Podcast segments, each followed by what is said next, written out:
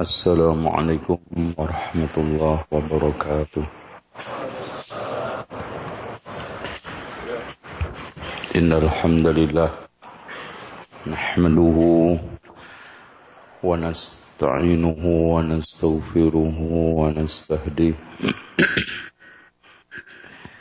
ونعوذ بالله من شرور أنفسنا وسيئات أعمالنا من يهده الله فلا مضل له ومن يضلل فلا هادي له. أشهد أن لا إله إلا الله وحده لا شريك له وأن محمدا عبده ورسوله. قال الله عز وجل يا أيها الذين آمنوا اتقوا الله حق تقاته ولا تموتن إلا وأنتم مسلمون وقال تبارك وتعالى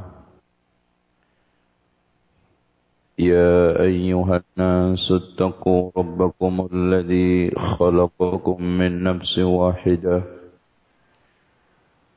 وخلق منها زوجها وبث منهما رجالا كثيرا ونساء.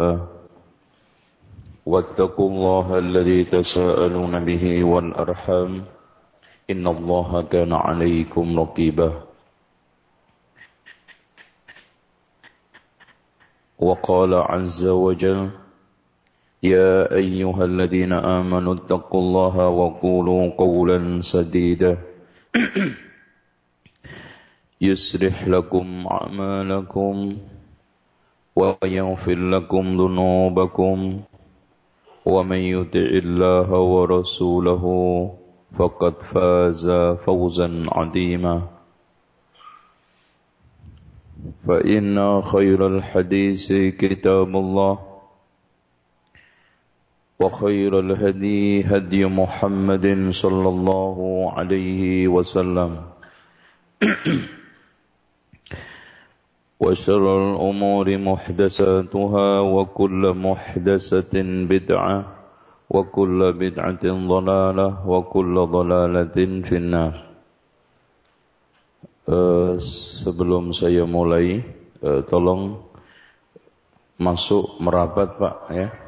Biar teman-teman bisa ke area masjid. Fadal, Mas. Yang luar masuk aja, Pak. Masuk aja, Pak. Ini masih kosong. Ini sini uh, masuk sini, Pak. Masuk, Pak. Itu. Di belakang masih kosong kan, Pak? Kosong. Itu. Iya, itu masih kosong pojokan. Tapi jangan mojok-mojok banget, Pak. Di situ ada jinnya. Ya. Ya. Si pojok belakang di ini sini juga. Hadirin sekalian, terutama pendengar radio Bas yang ada di Salatiga dan sekitarnya. Yang meliput dan juga mengikuti acara ini. Mudah-mudahan pada pagi hari ini mendapatkan ilmu yang bermanfaat sebagai dasar untuk membina rumah tangga yang tenteram bahagia damai penuh dengan mawaddah warahmah. Begitu juga pendengar radio Mu'ad bin Jabal yang ada di Kendari. Semoga pagi hari ini tetap mengudara, berjaya, dan seluruh jamaah konsen mendengar dengan khidmat dan penuh perhatian dan insya Allah saya besok akan nemui secara langsung para pecinta radio bas dengan tablet membedah buku Akidah Muslim di Boyolali. Boyo itu apa? Eh, suro, kalau suro apa? Eh, boyo itu buaya, lali, lupa. Ini ada kaitannya dengan cerita Pandanarang. Nah, nanti insya Allah kita akan cerita Wali Songo jilid kedua. Insya Allah. Ya. Insya Allah. Sekarang nikah dulu. Uh, sebelum saya mulai, yang belum nikah, angkat tangan. Coba. Coba angkat tangan. Enggak apa-apa, angkat tangan. Masya Allah, berarti banyak yang sudah nikah. Berarti materinya kita akan lebih mengarah pada kelompok yang sudah susah. Ya. Susah. Ya. Suka duka mengarungi rumah tangga. Tapi ini miliknya kok menggaung banget mas. Atau suara saya yang Coba dikasih air kali beda. Bismillah.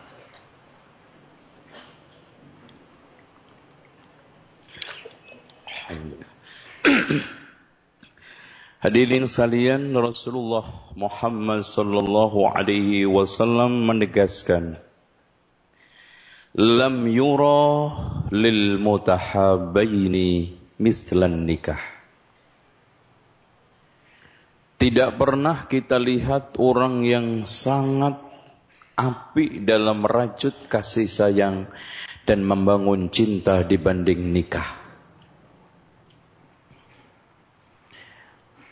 Kalau Rasulullah Sallallahu Alaihi Wasallam memberikan satu janji, Sab'atun yudilluhumullahu fi dillihi yawma la dilla illa dilluh ada tujuh orang yang diberikan oleh Allah di masa tidak ada naungan kecuali naungan Allah. Di antaranya adalah rajulani tahaba fillah. Dua orang yang berkasih sayang karena Allah. Ijtama'a alaihi ketemu karena Allah. Watafarraqa alaihi dan pisah karena Allah maka lebih dalam dari itu adalah pernikahan. Kalau dua orang berkasih sayang karena Allah, mungkin hanya ketemu di medan jihad. Mungkin hanya ketemu di majelis ta'lim. Mungkin hanya ketemu di medan dakwah atau mungkin ketemu di tempat-tempat santunan, gempa bumi, longsor, gunung meletus atau tempat-tempat konflik.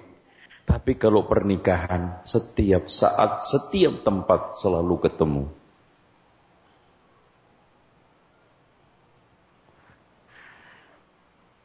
Dan semua faham menikah memiliki tujuan. Orang yang menikah atau makhluk yang menikah tidak punya tujuan hanya satu, Pak. Apa, Pak? Makhluk apa? Loh, nggak ada yang ngerti. Ikan nikah punya tujuan. Sampai kebo itu loh Pak, punya tujuan. Ketek nikah punya tujuan. Antum pernah tahu ketek nikah? Subhanallah. Kuda semua yang nggak punya tujuan cuma satu. Orang gila menikah. Itu aja. Semua makhluk menikah punya tujuan, apalagi manusia. Yang dikatakan oleh Allah, Inni ja'ilun fil ardi khalifah. Harus terteban di dalam memberikan contoh. Mas, uh, mic-nya yang satu sini. Kok? Eh, dengar nggak Pak? Dengar atau keganggu? Hah? Dengar ya? Tes. Tes, tes. Oh, ya. Yeah. Mohon maaf kepada para jamaah eh, seperti yang kami sampaikan tadi yang mempunyai mobil eh, bernomor 1470 1470 Grand Livina Silver di depan rumah warga eh, warga mau keluar ada keperluan jadi mohon kepada jamaah yang punya mobil berplat nomor 1470 Grand Livina agar segera dipindahkan. Terima kasih.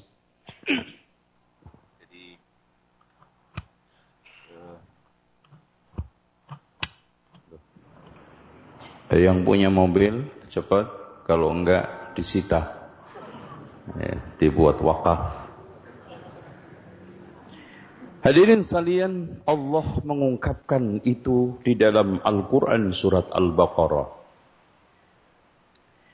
Idza talaqtumun nisaa fabalagna ajalahunna. Jika kalian menceraikan istri-istri kamu atau jika kalian menceraikan istri perempuan ya di sini maksudnya an-nisa adalah tolong dicamkan Pak di dalam Al-Quran kalau diungkapkan Al-Mar'ah dan An-Nisa rata-rata itu istri. Kecuali beberapa di antaranya uh, Ya nasu taqu rabbakumul khalaqakum min nafsin wahidah wa batha minhuma rijalan katsiran wa nisaa. Itu enggak ada hubungan suami istri, tapi nanti suatu ketika jadi istri dari suami. Fabalagna ajaluhunna dan sampai ajal berarti di sini iddah.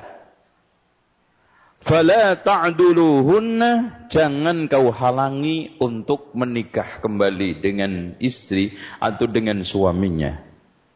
Ayyankihna azwajahunna untuk menikah dengan suami suaminya. Ini larangan adl dan adl itu haram.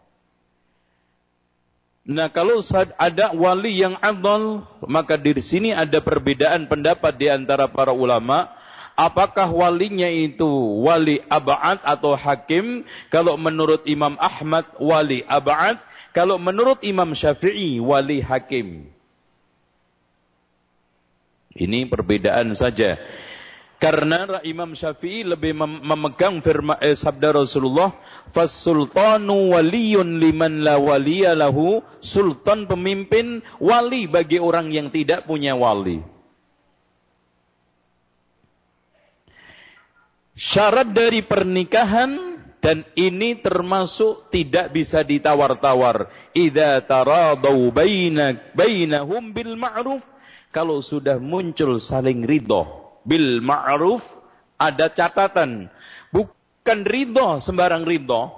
Mungkin saja pelacur sama pelacur ridho. Menikah.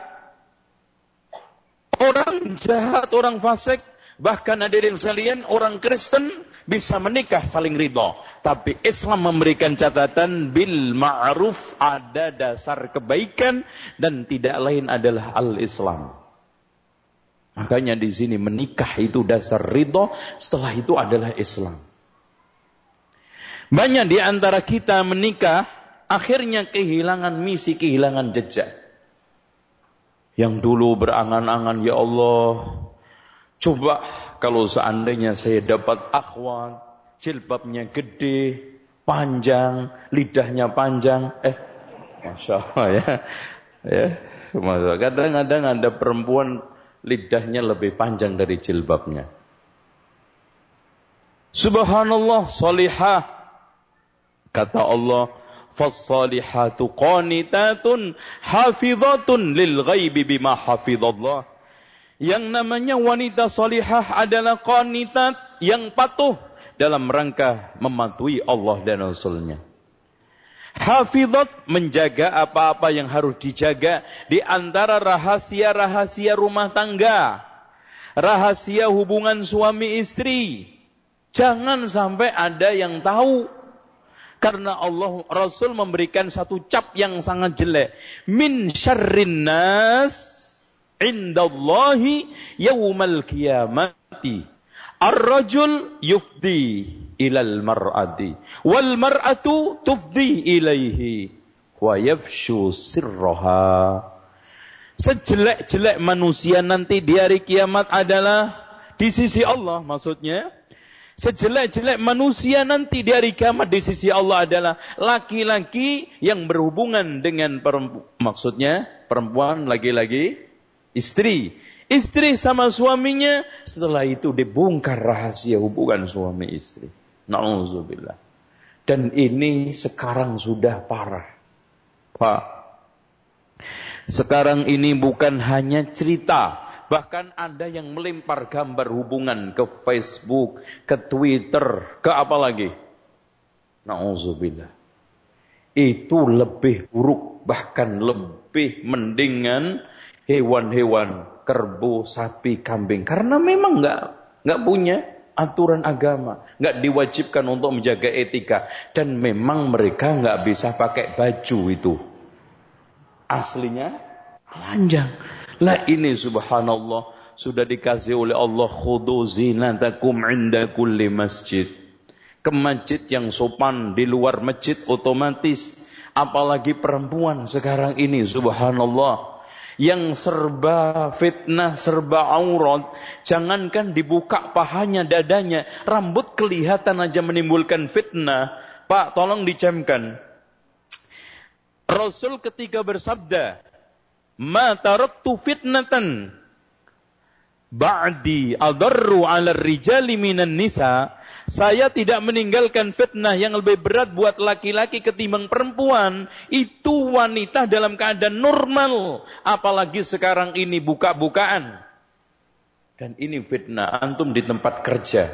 Tidak lepas dari wanita. Minimal pakai pakaian ketat. Dan setengah. Apa? Kalau antum melihat perempuan setengah baya, mungkin masih bisa menahan.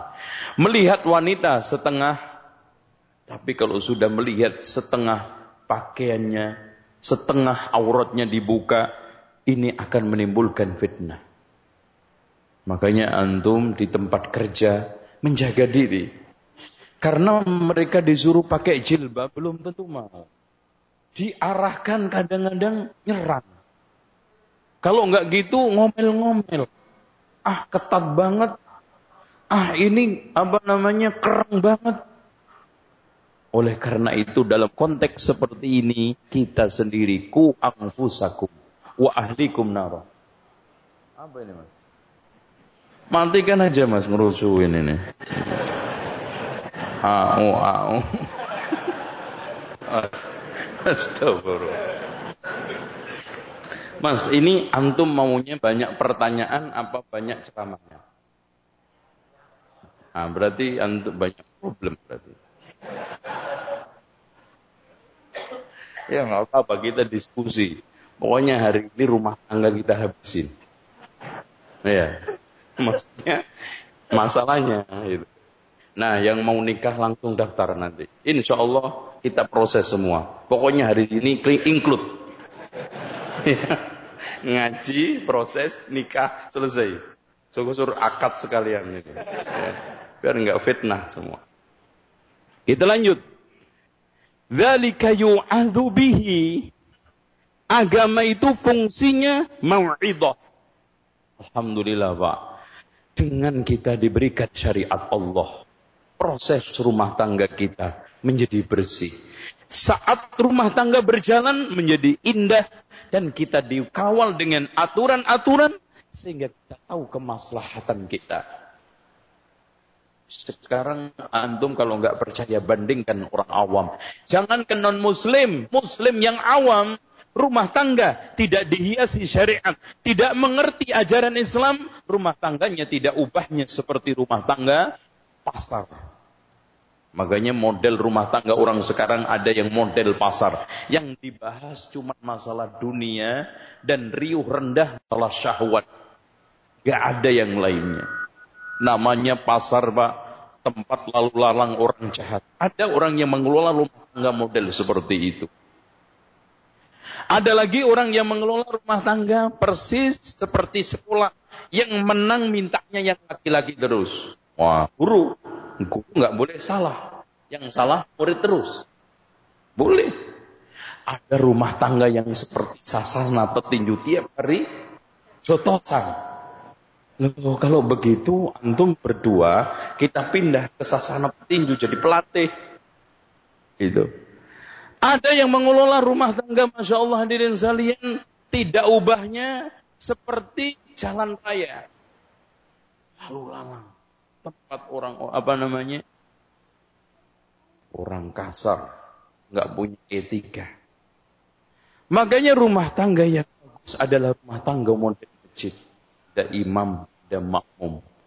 Dihiasi dengan etika yang bagus, tapi kalau imamnya salah, makmum bisa menegur. Di sana juga ada aksi sosialnya, ada aksi ekonominya, zakat dan yang lainnya. Ada juga aksi ibadahnya. Semuanya lengkap di dalam. Harusnya kita mengelola rumah tangga seperti itu. Rumah tangga, hubungan keekharatan itu ada. Keduniaan juga tetap ada dan ada penegakan imamah. Bahkan ada suatu hal yang harus kita cermati, hadirin sekalian. Lima perkara yang ingin dimiliki oleh semua laki-laki. Yang pertama, laki-laki itu ingin tampil menjadi orang yang paling terbaik. Di sini juga sudah saya uh, sampaikan, ya, nah, paling belakang. Ya. Jadi laki-laki memiliki suatu watak, dia ingin menjadi tam, tampil paling sempurna. Ya. Lihat halaman 148 149. Memiliki penampilan luar menarik dan sedap dipandang.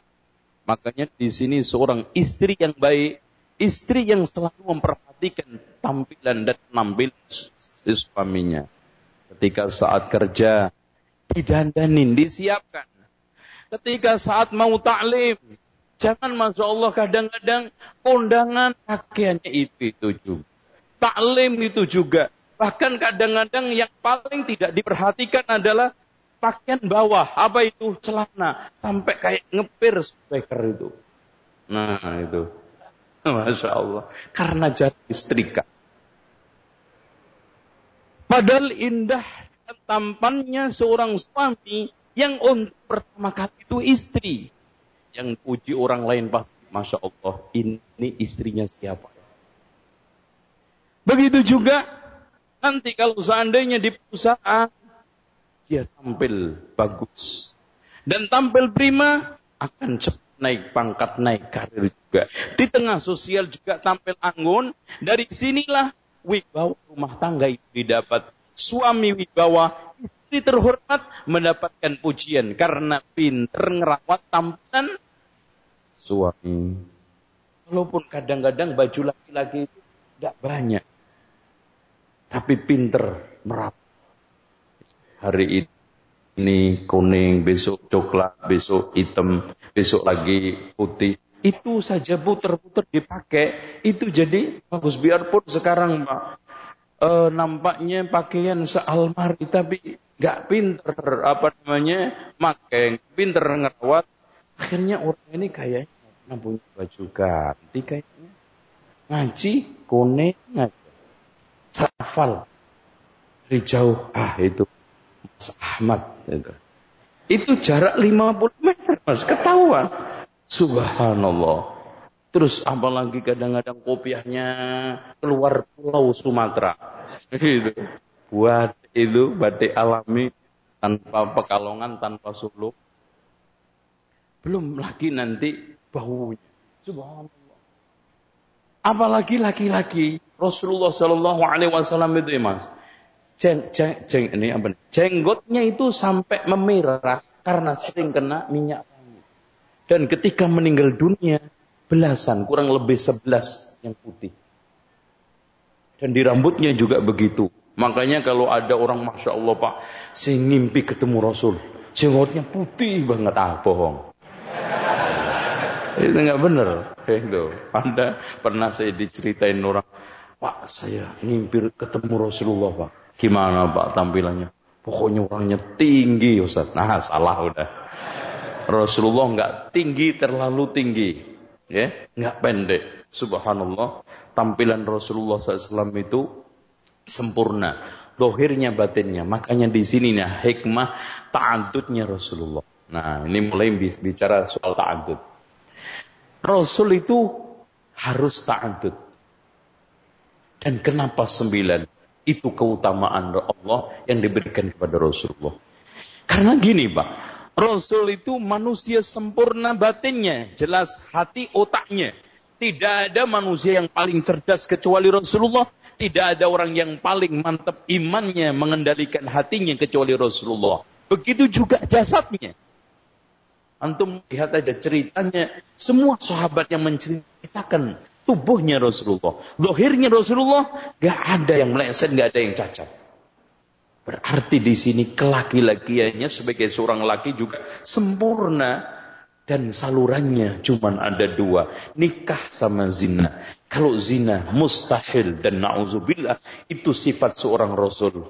Mungkin nggak kita kita kasih alokasi itu? Nggak mungkin.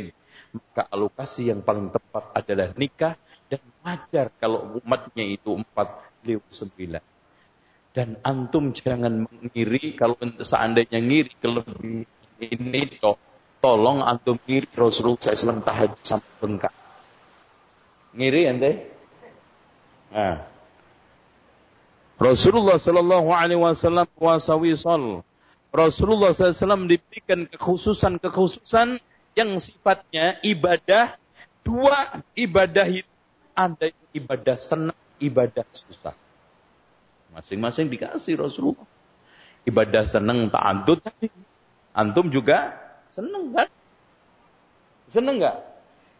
Nah kalau sudah ibadah susah, tahajud, jihad, dan yang lainnya, apalagi infak, ini susah. Banyak yang mundur.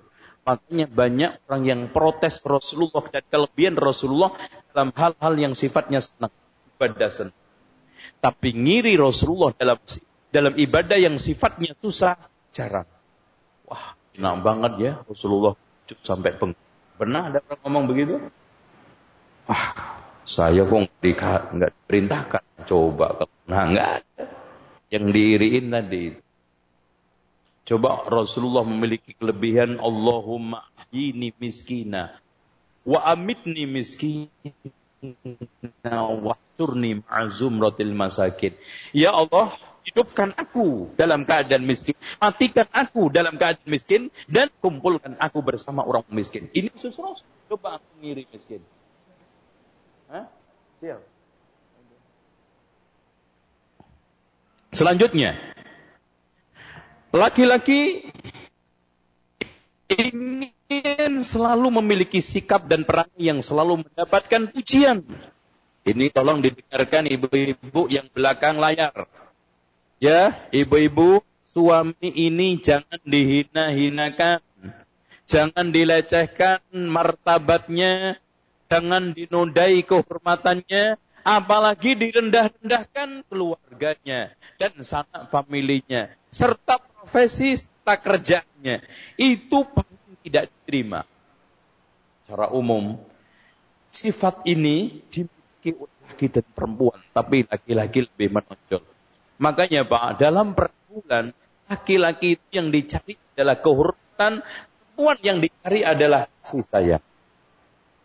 Itu. Pakai ini aja mas. Tes, tes. Jadi laki-laki yang dicari adalah kehormatan.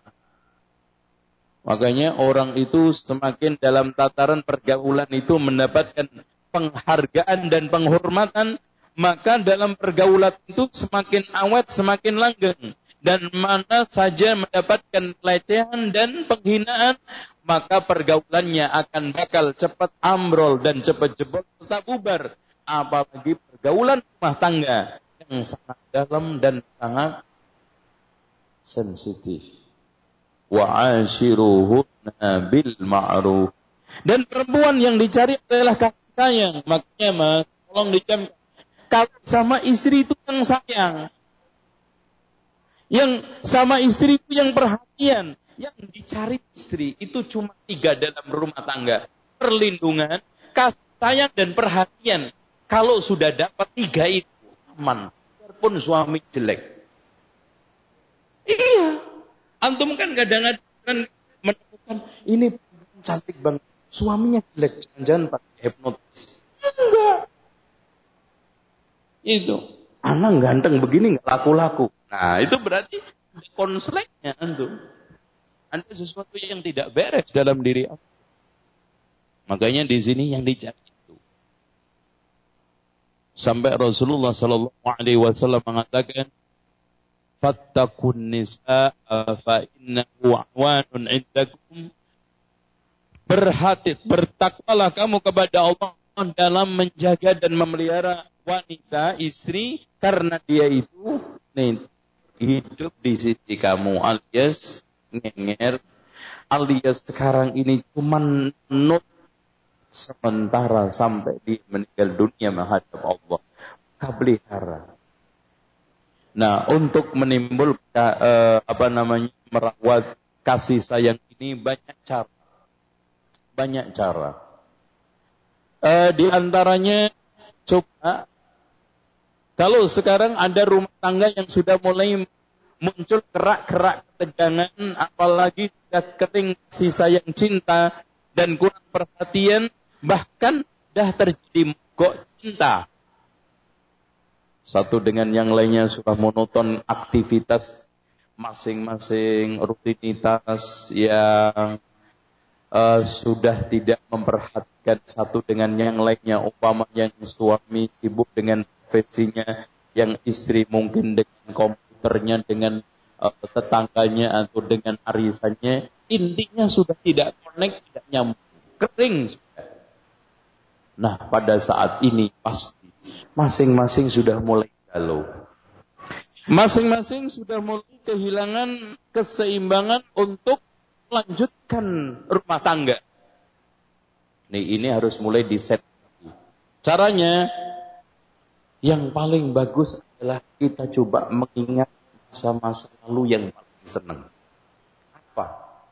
Ya pasti nggak ada nikah itu dari mulai awal sampai sekarang itu susah mungkin. Ya Allah, ketika dulu masih awal-awal nikah, naik angkot aja sudah senang. Udah, antum ulangi lagi naik angkot. Antum cari angkot yang dulu itu mana? Yang bikin senang. Iya, nggak apa-apa. Ya umpamanya uh, saya dulu itu naik ke Gadung, Gol. Antum naik. Cari Metro Mini apa sudah berdua. Kalau bisa anaknya jangan dibawa. Dititipin sama mertua sementara. Atau siapa. Udah. Nanti dalam perjalanan pasti, apalagi kalau sudah terjadi seks ya, pasti diem-diem Ngapain mas? Naik-naik bis kayak begini? Biasanya begitu sih. Karena perempuan itu memiliki watak nyerang omongan dulu daripada laki-laki. Makanya eh, ada kelebihan perempuan dibanding laki-laki. Satu, perempuan itu doyan ngomong.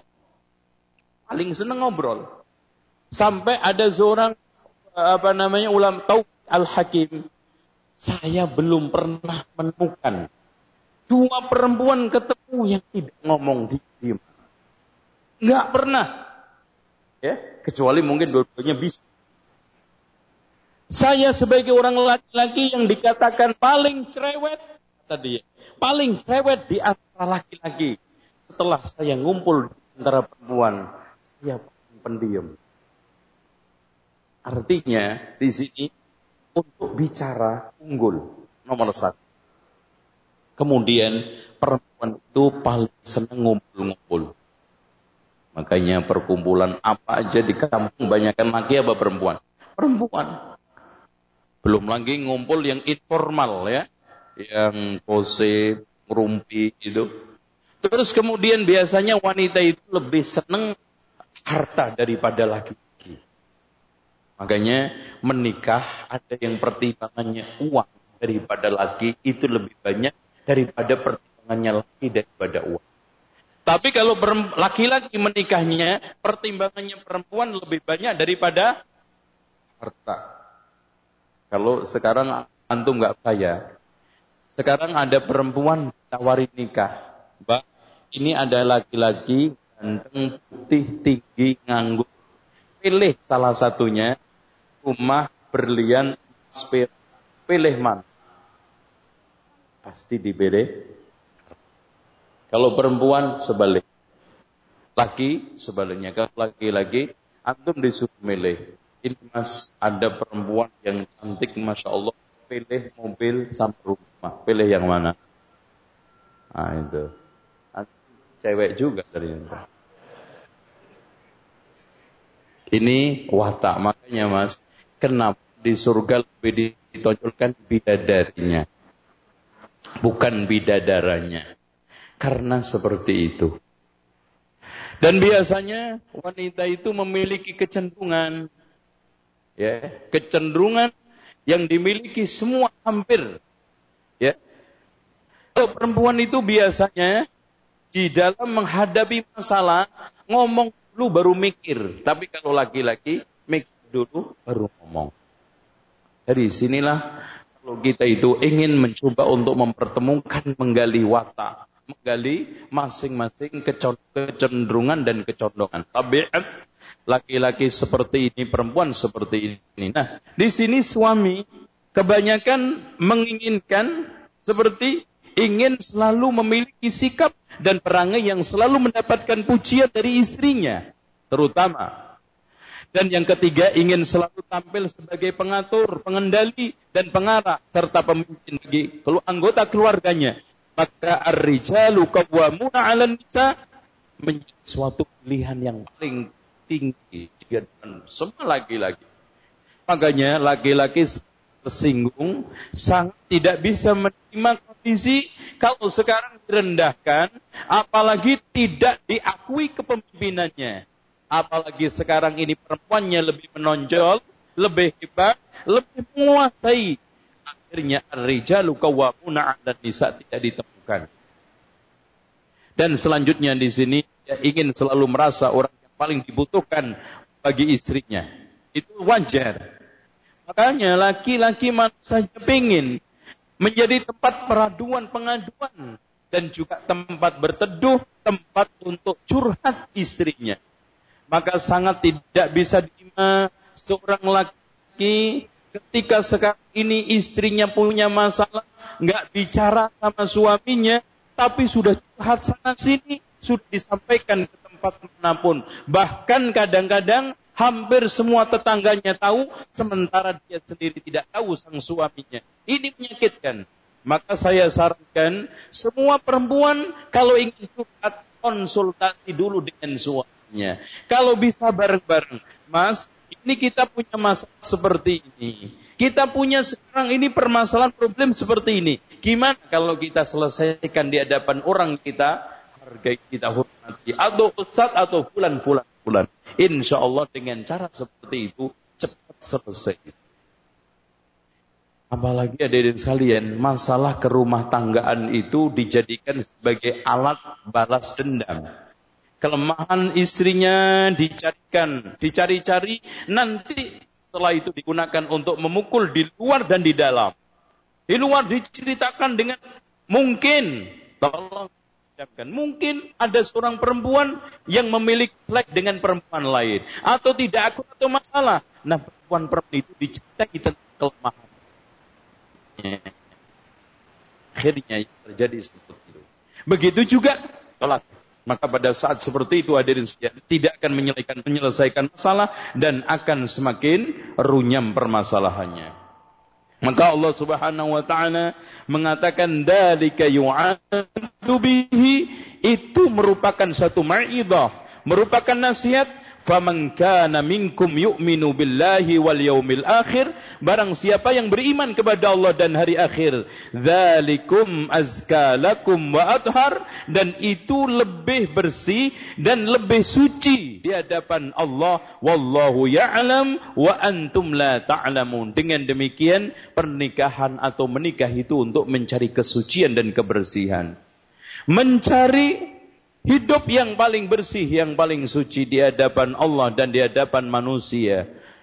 kondisi kehidupan dari sisi ekonominya lebih bersih, dari sosialnya lebih bersih, dari sisi apa saja termasuk hubungan nasab, hubungan keluarga kekeluargaan, silaturahmi lebih bersih dan lebih bagus.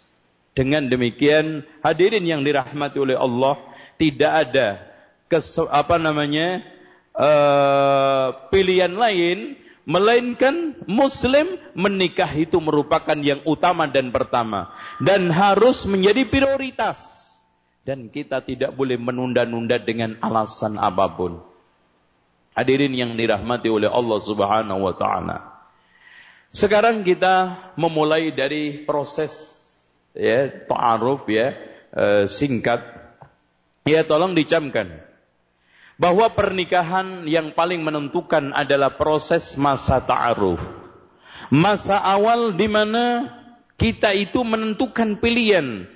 Kalau kita itu gagal, maka akan gagal selamanya. Seterusnya, kalau kita sukses, maka sukses selamanya. Bahkan di dalam proses pilih memilih ini sangat menentukan kelanjutan pernikahan. Makanya ikhwan kalau antum renungkan, Orang-orang yang gagal menikah alias mengalami perceraian rata-rata kurang cermat atau kurang pas atau kurang benar dalam proses memilih tersebut. Makanya Rasulullah sallallahu alaihi wasallam sampai mengatakan fangdur ilaiha fa inna fa innahu ahra ayyudama bainakuma. Lihatlah karena di dalam melihat pasangan calon pasangan tersebut akan lebih memberikan satu jaminan apa? langgeng, awet dan abadi. Karena kita akan dari proses ta'aruf yang baik itu mas. Pertama, kita akan bisa meneliti wataknya. Kemudian kebiasaannya. Yang tidak kalah pentingnya agamanya, praktek agamanya. ya. Mungkin mereka ada sebagian orang yang ngajinya Masya Allah. Bahkan seminggu bisa dua tiga kali. Bahkan kenal semua ustadz mungkin. Dan jaringan pengajiannya Masya Allah. Tapi ternyata pengamalannya tipis. Ngaji hanya jadi formalitas. Ngaji hanya menjadi gaya-gayaan. Maka antum harus cek langsung. Bagaimana pengamalan agamanya. Karena dalam masalah agama ini Rasulullah sangat wanti-wanti. Fatfar bidatid dini taribat yadak pilihlah yang punya agama. Kalau tidak, maka kalian akan mengalami kehancuran. Hancur. Apalagi hadirin sekalian, pada saat-saat kondisi tertentu, umpamanya ekonomi sudah mulai agak sedikit turun dan gagah tampan sudah mulai agak berkurang. Yang perempuan juga cantiknya berkurang maka pada saat itu yang per, yang mempertahankan adalah ad-din. Maka laki-laki juga diberikan kriteria Rasulullah ad-dinu wal akhlak. Perempuan juga ad-dinu wal akhlak. Kata Rasulullah idza ja'akum man tardawna dinahu fakhuluquhu fazawwiju jika datang kepada kalian laki-laki yang baik agama dan akhlaknya nikahkanlah Ya, fa illam taf'alu kalau tidak kamu kerjakan itu, fasatakunu fitnatun fil ardi wa fasadun arid. Maka akan terjadi kehancuran, fitnah besar di muka bumi dan kerusakan yang sangat besar. Jadi ad-din, akhlak. Setelah kita tahu keluarganya Masya Allah termasuk keluarga baik-baik. Bahkan orang tuanya latar belakangnya Masya Allah apalagi sudah ngaji. Anaknya juga Masya Allah tidak ada tidak terkontaminasi dengan pergaulan bebas. Dan selamanya dari mulai kecil sampai hari ini saya lamar. Termasuk anak-anak yang biasa uh, apa namanya tidak ikut uh, pergaulan-pergaulan yang aneh-aneh. Bahkan keluguan dia dihiasi dengan rasa malu di akhlak dan ngajinya juga sudah lama pada saat itulah anda telah menemukan al-mata yang dikatakan oleh Rasulullah ad-dunya mata wa khairu mata'iha al-mar'atu salihah. Sudah tidak ada lagi. Antum sekarang harus merem dengan yang lainnya kalau sudah menemukan itu. Antum temukan keluarganya Masya Allah Orang tuanya sudah ngaji.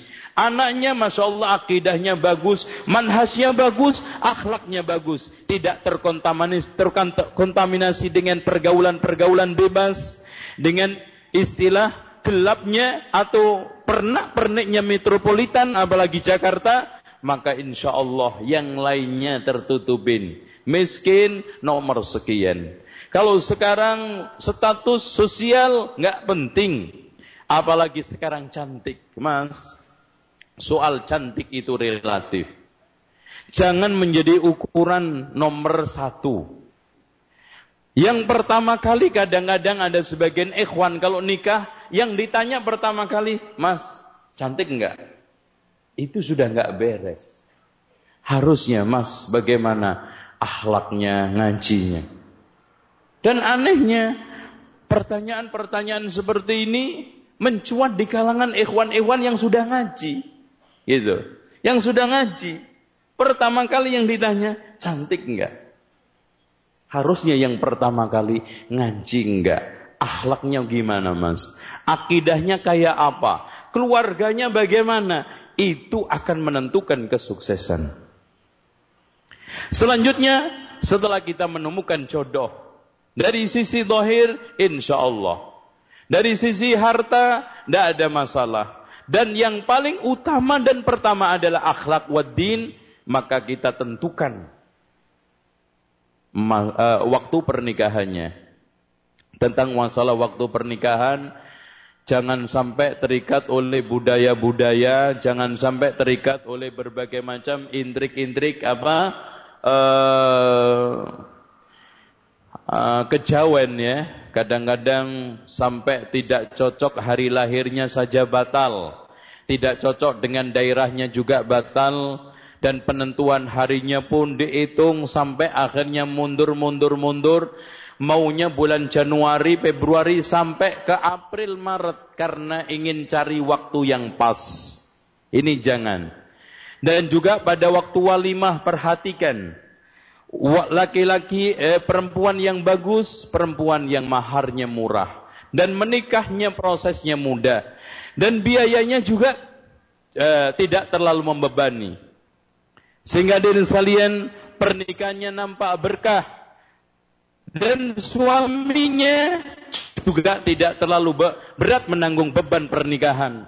Kadang-kadang hanya nurutin keluarga, paman atau saudara pernikahannya harus di tempat yang mewah. Sewanya mungkin sama cateringnya sampai 30-40 juta. Belum lagi nanti serahannya. Belum lagi nanti perlengkapannya. Kadang dibuang-buang untuk acara walimah saja ikhwan. Sampai hampir 60 juta. 75 juta. Apalagi kelas tinggi lagi sampai ratusan juta. Bahkan ada orang yang menikah sampai habis 2 miliar. Untuk apa? Ya, ini bukan budaya kita, ini bukan tradisi kita. Coba lihat Rasulullah SAW pada saat menikah dengan Sofia. Sofia itu dinikah Rasulullah SAW pulang dari perang Khaybar. Di tengah jalan Rasulullah walimah. Hanya dikeluarkan makanan-makanan sekedarnya sisa perang. Ya. Setelah itu mengadakan walimah. Coba bayangkan walimah hanya di tengah jalan. Juga walimahnya dengan Zainab Walimahnya dengan Khadijah. Inilah walimah Islami. Walimahnya dengan Aisyah, dengan Hafsah. Dan juga begitu, eh, begitu juga para sahabat dan tabi'in. Dan tidak ada satu walimah yang indah-indah kecuali walimah Imam Sya'bi. Ya. Walimah yang diadakan sangat sederhana. Dan setelah malam pernikahan suami istri mengadakan akad perjanjian sampai mengatakan akhir wahai istriku kalau kamu temukan aku termasuk laki-laki yang jelek maka jangan teruskan. Begitu juga si istri mengatakan seperti itu subhanallah. Inilah yang dilakukan hampir semua salafun saleh. Bukan sekarang pernikahan yang dipikirkan di gedung mana. Nanti sewanya berapa cateringnya berapa ini uh, berapa dan kemudian siapa yang diundang kalangan ini dan kalangan ini. Bahkan di antara walimah tidak mau mengundang orang-orang miskin. Inilah walimah yang dikatakan oleh Rasulullah SAW. Inna min syarrit ta'am. Sesungguhnya makanan yang paling jelek adalah makanan walimah. Yud'a, yud'a, yud'a ilaiha al-aghniya yang diundang orang-orang kaya wa yuraddu alaihi al-fuqara dan ditolak tidak diundang orang-orang miskin. Dan tidak kalah pentingnya, di sana jangan sekarang berhias dengan berbagai macam musik, apalagi semalam suntuk walimahan sambil joget ria, naudzubillah kalau sampai minum khamr, kemudian begadang semalam suntuk ada yang main judi, ini semuanya jauh daripada Islam. Walimah cukup sederhana diundang kanan kiri, dipisah laki perempuan. Kemudian setelah itu kita adakan ijab kabul. Ada saksi, ada wali, setelah itu makan bersama. Selesai pulang.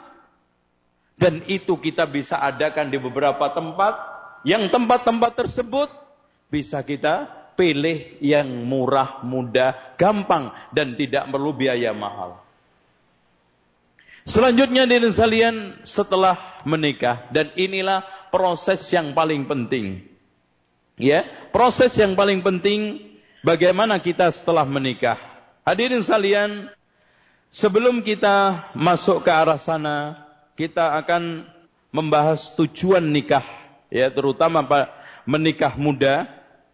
Ya, pertama memelihara kelestarian umat ini nomor satu. Jadi niat niat kita menikah tidak lain adalah untuk melestarikan jumlah umat.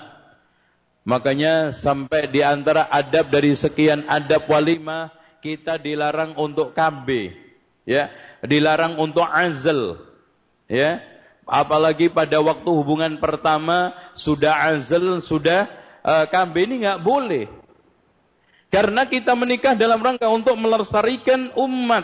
Umat ini biar banyak Rasulullah SAW senang tazawwajul wadudul walud fa inni mukasirun bikumul umama yaumal qiyamah. Menikahlah wanita yang mencintai kamu dan pintar punya anak karena saya itu senang sekali umatku ini jumlahnya banyak. Selanjutnya memaksimalkan usia produktif. Ikhwan, kalau antum sekarang menikah muda, itu secara hitung-hitungan umur antum nggak banyak mubazir. Taruhlah sekarang antum umur umpamanya menikah baru umur 35 tahun. Dan antum baru punya anak umur 40 umpamanya. Berarti anak antum masuk SMP umur 12 antum sudah umur 56. Eh 52. Ini sungguh sangat lambat untuk membesarkan anak. Antum gak akan lama nungguin anak, kasihan. Makanya kalau antum umpamanya menikah umur 22 tahun. Punya anak umur 25. Setelah itu masuk SD antum masih gagah. Masuk SMP antum masih hebat. Masuk SMA antum juga masih kuat. Nah, baru mulai uh, universitas, mulai selesai kerja, selesai kuliah kerja, antum sudah mulai turun produktivitasnya. Karena itulah siklus manusia. Ya bukan semakin lama kita itu semakin kuat bahkan semakin loyo. Eh, kita itu semakin lama semakin tidak berdaya. Ya. Antum lihat sekarang ketika umur 25 beda dengan 30, beda lagi dengan 40, beda lagi dengan 50. Maka menikah cepat akan memberikan satu poin tersendiri. Makanya dikatakan ya Ali salasun la yuakhirha ada tiga perkara yang tidak boleh diakhirkan. As-salatu idza anat salat kalau sudah datang waktunya. Wal janazatu idza hadarat jenazah kalau sudah hadir perawatannya. Wal ayyimu idza wajadat lahu kufwan dan orang yang bujang atau bujangan yang sudah menemukan jodohnya. Jangan ditunda-tunda karena alasan kuliah.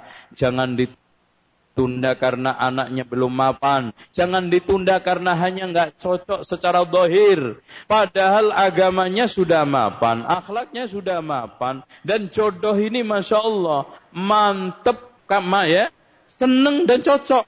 maka pada saat itu jelas dia sama saja menolak perkara yang baik. Yang baik. Yang datang sebaliknya, makanya tadi kata Rasulullah SAW, kalau tidak, maka akan terjadi fitnah dan kehancuran. Fitnah mana yang lebih besar? Orang menolak agamanya yang baik, akhlaknya yang baik. Kemudian datang yang lebih jelek. Kemudian mengikuti sunnah Nabi Muhammad sallallahu alaihi wasallam. Ya, karena nikah kata Rasulullah sallallahu alaihi wasallam, "Alaikum bisunnati wa sunnatil uh, alaikum bisunnati." Dan Rasulullah sallallahu alaihi wasallam mengatakan dalam hadis yang lainnya, "An-nikahu sunnati." Kalau Rasulullah mengatakan alaikum ini alaikum bisunnati wa sunnatil khulafair rasyidin. Dan termasuk sunnah Rasulullah SAW di dalam hadis yang sahih, an-nikahu sunnati. Berarti di sini sunnah Rasulullah Sallallahu Alaihi Wasallam termasuk dari sekian sunnah adalah nikah. Terus kemudian mencari pahala dan mencari Allah Rasulullah sallallahu alaihi wasallam menegaskan wa inna atyabakum ma akaltum min kasbikum wa innal aulada min kasbikum. Dapat pahala pahala menikah, pahala setelah menikah, pahala ketika berhubungan suami istri. Bahkan Rasulullah mengatakan wa fi bud'i ahadikum sadaqah. Pahala setelah punya anak.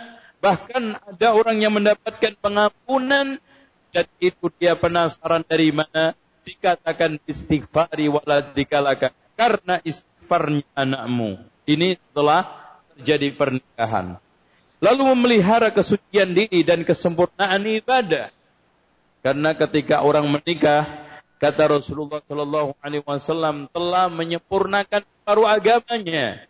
Falyattaqi nisbatin maka telah menjaga separuhnya yang lain. Dengan demikian, dengan pernikahan yang islami, dengan pernikahan yang dalam rangka mencari ridha Allah, ikhlas dan dilakukan secara benar, maka akan mendapatkan semua itu dan mencetak generasi yang tangguh dan sehat. Tidak mungkin, Mas. Sekarang kita mendapatkan mujahid dari perselingkuhan apalagi perzinaan. Tidak mungkin ada seorang ulama lahir dari dari tempat-tempat pelacuran. Dari rahimnya pelacur. Tidak mungkin ada orang besar yang dilahirkan dengan cara yang kotor maka pernikahan adalah cara yang terbaik. Kak Imam Syafi'i lahir dari mana? Imam Ibnu Taimiyah lahir dari mana? Semua proses dari pernikahan yang islami dan dihiasi dengan ibadah dan mengikuti sunnah Rasulullah Sallallahu Alaihi Wasallam dan mencetak mujahid pemberani hidup mapan di usia muda jelas karena semakin cepat menikah, karir-karir semakin terukir dengan cepat dan mencari bentuk kehidupan, sosok kehidupan sehingga mapan di usia muda. Bahkan ya Evan kadang-kadang ada orang kasihan. Ya hidupnya, bisnisnya terlunta-lunta. Nasib kerjanya keluar masuk, keluar masuk kantor. Baru masuk tiga bulan, keluar lagi. Masuk empat bulan, keluar lagi. Kenapa? Karena dia bingung, bimbang sampai hari ini belum punya pendamping yang mendampingi sehingga mengarahkan hidupnya. Dan orang itu kalau sudah menikah, apa-apa itu jadi ada suara di samping kita yang mengarahkan hidup itu sendiri dengan kita punya istri. Istri adalah bimbing yang baik. Coba lihat.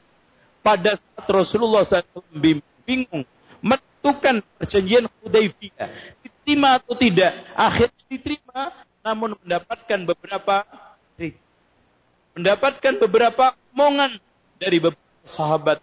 Akhirnya masukkan dari Um Salamah lah yang mungkin Rasulullah mantap dan terus menjalankan perjanjian tersebut. Akhirnya mendapatkan kemaslahatan dari hasil putusan tersebut. Ini hasil pernikahan. Dan yang tidak kalah pentingnya dari sekalian, di sini ada beberapa alasan dalam rangka untuk melestarikan keturunan dalam rangka untuk menyalurkan kebutuhan logis ya dalam rangka untuk menjaga kemudian ketanasab ini tujuan alasan apa itu menikah. Nah hadirin kalian eh, tentang masalah serba-serbi nikah ya, uh, di sini kita tegas bahwa masalah menikah itu bukan masalah usianya. masalah mental dan kesiapannya serta tanggung jawabnya. Kalau sekarang umur 40 tapi mentalnya belum siap, tanggung jawabnya tidak ada, maka orang seperti ini tidak akan bisa menikah. Tapi kalau sekarang ini baru umur 20 atau 25, tapi mentalnya juga sudah bagus. Tanggung jawabnya ditambah keagamaan dan akhlaknya matang, insya Allah dia akan lebih siap daripada yang 40 tadi. Nah, Lalu eh, di sini jangan terberdaya cantik wajah eh, karena masalah wajah itu hanya sesaat. Ada di antara mereka yang kadang-kadang menjadikan suatu eh, yang menyulitkan pernikahan. Soal masalah kaitannya eh, tampilan muka. Sehingga ada yang batal, batal menikah. Kadang cantik, katanya kurang tinggi. Ada yang sudah tinggi katanya hidungnya rada uh, ke belakang. Ada yang sudah tinggi, tuh sayang kulitnya gelap. Eh, jadi alasannya ada saja sampai berkali-kali ngelamar gagal. Perempuannya juga begitu. Kadang-kadang cocok orang tuanya nggak cocok dia.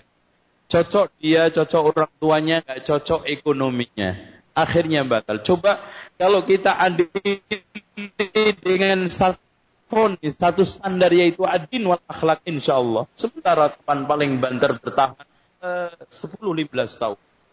Dan hadirin salian itu relatif, wajah itu relatif. Yang paling terpenting adalah dalam hati ini yang hiasi nanti muka. Kalau hati tersebut baik, maka akan mencerminkan hati yang baik juga. Kalau sekarang ini hati jelek, akan mencerminkan muka yang jelek juga. Walaupun cantik. Untuk apa sekarang? Wajah cantik tapi hati sama. Hatinya rakus, tidak pernah puas. Dan bawaannya adalah dendam, marah, dan kecewa. Gampang ngambek sama suaminya. Akhirnya menumbuhkan raut muka yang tidak sedap juga. Sehingga di sinilah uh, kata Rasulullah SAW bahwa perempuan yang baik adalah idza natarta ilaiha sarratka. Kalau kamu pandang menyenangkan bukan karena mukanya, karena tingkah lakunya akhlaknya. Wa idza amartaha ata'ka. Kalau kamu perintah mentaati. Wa idza ghibta anha fidat ka fi malika wa nafsiha. Kalau kamu tidak ada pergi, maka dia menjaga dirinya dan menjaga hartamu. Maka di sini kata Rasulullah, afdaluhu lisanun dakirun. Tidak ada sesuatu yang paling baik dimiliki oleh seorang hamba muslim adalah lisan yang selalu berzikir. Wa qalbun syakirun, hati yang selalu pintar bersyukur. Ini hati yang pintar bersyukur.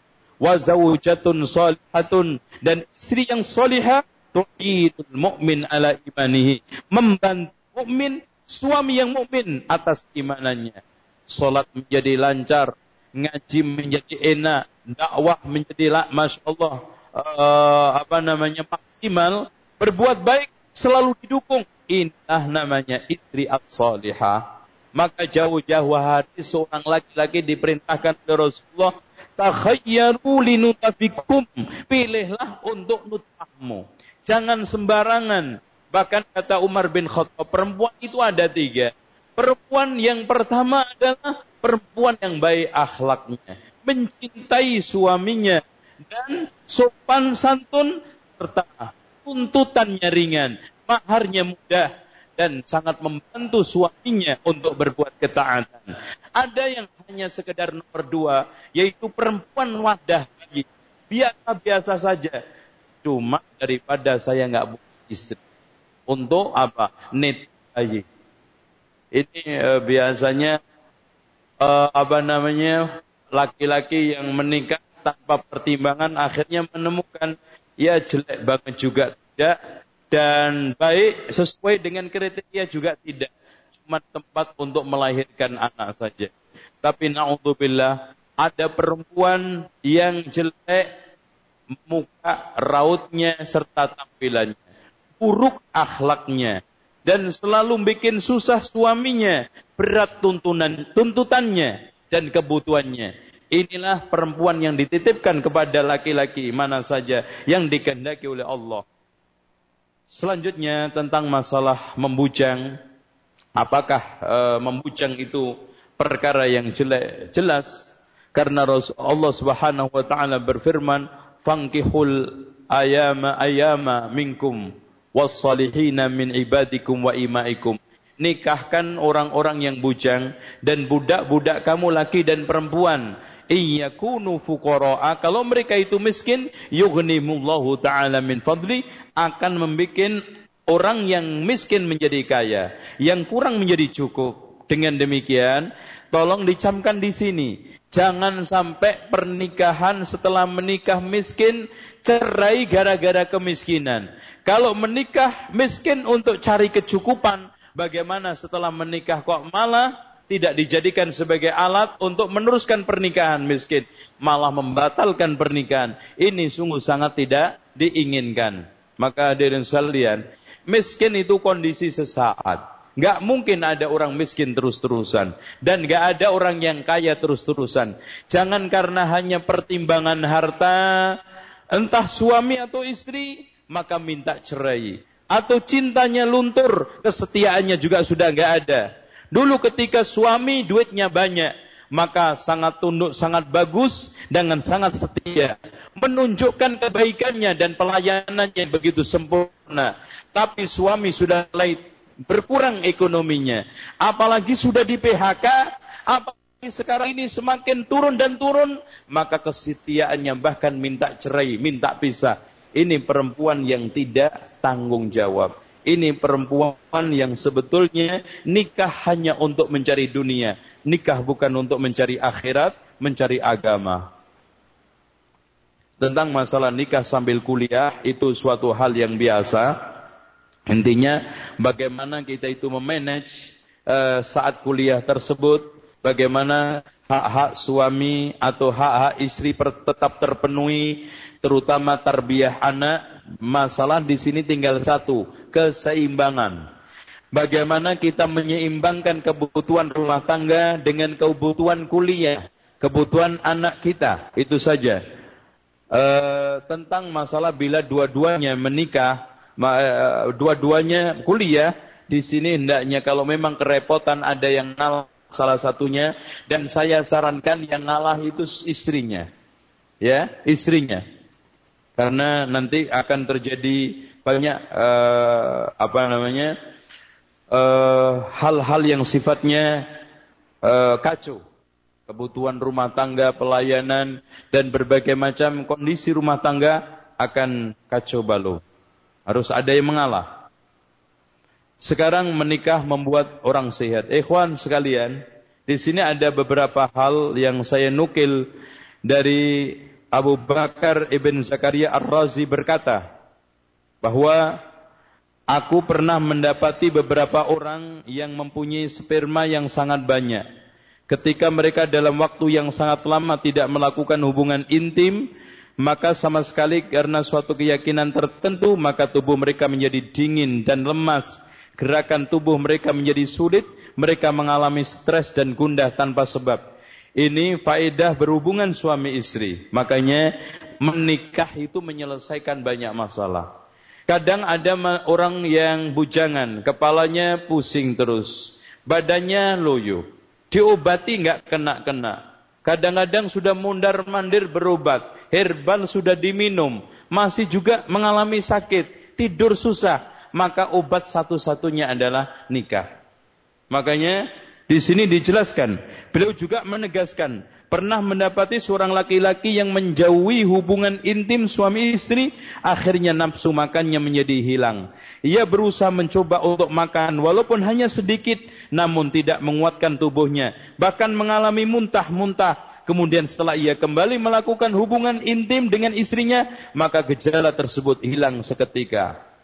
Kedua, faedah kedua, mengerjakan hal-hal yang terlalang karena orang yang terus bertahan tidak melakukan hubungan intim sperma tertahan dalam tubuh mereka mengendap mubazir yang bisa mengakibatkan timbulnya perasaan gundah yang menyelimuti jiwanya. Dengan kegundahan itulah mereka akhirnya melampiaskan kepada perkara yang terlarang. Nauzubillah. Selera sahwatnya condong kepada anak-anak di bawah umur. Nah ini sudah mulai konslet. Maka dari sini para ulama menganjurkan ditegaskan di dalam kitab Talbisul Iblis semua bahwa perhubungan suami istri itu merupakan suatu keharusan. Maka hidup seperti beberapa tokoh agama yang menghalangi untuk tidak menikah. Bahkan Andrea dia mengatakan saya menjadi anak Tuhan atau pelayan Tuhan mustahil dan itu bohong. Akhirnya dia melakukan cara-cara uh, yang tidak normal, cara-cara yang dikutuk agama, cara-cara yang sangat-sangat hina. Di antara mereka tokoh-tokoh agama yang yang tidak mau menikah itu akhirnya apa? Membikin boneka seperti perempuan digunakan untuk mengeluarkan sperma. Dengan cara itu, ada di antara mereka mungkin laki-laki sama laki-laki, perempuan sama perempuan, atau yang uh, uh, yang mengklaim bahwa saya tidak menikah, ya akhirnya menikah. Biarawati menikah sama sama itu pastor, Walaupun mereka secara dohir tidak berhubungan suami istri. Karena ini adalah sunnatullah. Karena ini ditakdirkan harus dilakukan oleh manusia. Kalau tidak terjadi berbagai macam gejolak, gejala dan berbagai macam kerusakan. Baik di dalam tubuh manusia, kesehatan manusia, agama dan akhlak. Akhirnya orang yang menahan seperti itu kecenderungannya aneh-aneh. Nah, uh, segera menikah uh, tentang masalah uh, alasannya segera menikah semua kita sudah sampaikan dan uh, mungkin kita persilakan untuk mengajukan tanya jawab uh, supaya agak lebih maksimal sambil kita tunggu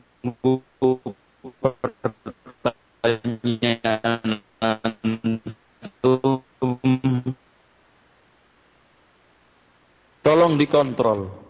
Pergaulan anak sekarang ini sudah parah. Media sekarang bebas. Internet kapan saja bisa dibuka. Dan HP sekarang ini sudah gam, dengan gampangnya hanya biaya berapa ribu untuk bisa mengakses itu semuanya. Sehingga pada saat ini anak terjadi berbagai macam penyimpangan dan bahkan kalau kita lihat sekarang laki dan perempuan yang belum menikah, yang sudah menikah pun banyak terjadi perselingkuhan dan keanehan. Maka saya sarankan hindarkan wasilah-wasilah yang haram. TV antum jangan digunakan untuk hanya nyetel dan nyetel sinetron televisi yang murahan apalagi hanya sekedar lawakan dan juga pamer berbagai macam bentuk aurat wanita yang akhirnya menjatuhkan agama kita. Kemudian HP antum usahakan boleh antum buka BBM untuk menyebarkan dakwah, untuk menyebarkan risalah-risalah Islam. Tapi kalau hanya untuk membuka gambar-gambar aneh, untuk mengakses film-film yang porno, untuk mengakses hal-hal yang sekarang ini merusak agama, merusak akidah moral, hentikan. Suatu ketika numpuk-numpuk dan suatu ketika akan merusak utak antum, pikiran antum dan otomatis selera antum kepada suami istri antum. Begitu juga perempuan. Ya, hindarkan kebiasaan melihat foto-fotonya uh, bintang film, penyanyi, artis, olahragawan baik di televisi, internet dan yang lainnya karena itu menghancurkan hubungan suami istri. Suatu ketika perempuan yang biasa mengakses seperti ini, Pak, sudah tidak selera lagi melihat suaminya. Apalagi suaminya udah hitam pendek jelek. Wah, nggak kayak di TV, gagah, ganteng dan juga Masya Allah semangat bergairah. Otomatis. Dari situlah terjadi berbagai macam ketimpangan. Belum lagi acara-acara hipnotis, acara perdukunan. Di situ lewat suntikan-suntikan dukun, acara-acara sihir, dan saat itu melemahkan iman kita, terutama perempuan. Bisa terpengaruh. Kemudian, yang tidak kalah pentingnya, awasi HP anak-anak antum, baik laki dan perempuan.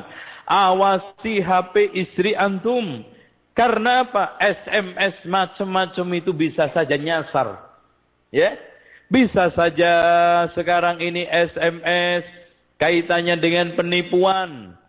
SMS kaitannya dengan tawaran-tawaran haram seperti eh, apa utang yang modal riba ya eh, butuh dana cash segera atau mungkin perdagangan perdagangan yang haram multi level marketing atau kalimat-kalimat yang sekarang ini menggoda memfitnah laki dan perempuan setelah itu mungkin gambar dan hadirin sekalian tolong dicamkan di Indonesia ini sudah ada gerakan seterselubung untuk menyebar, merusak generasi muda lewat film dan juga gambar porno.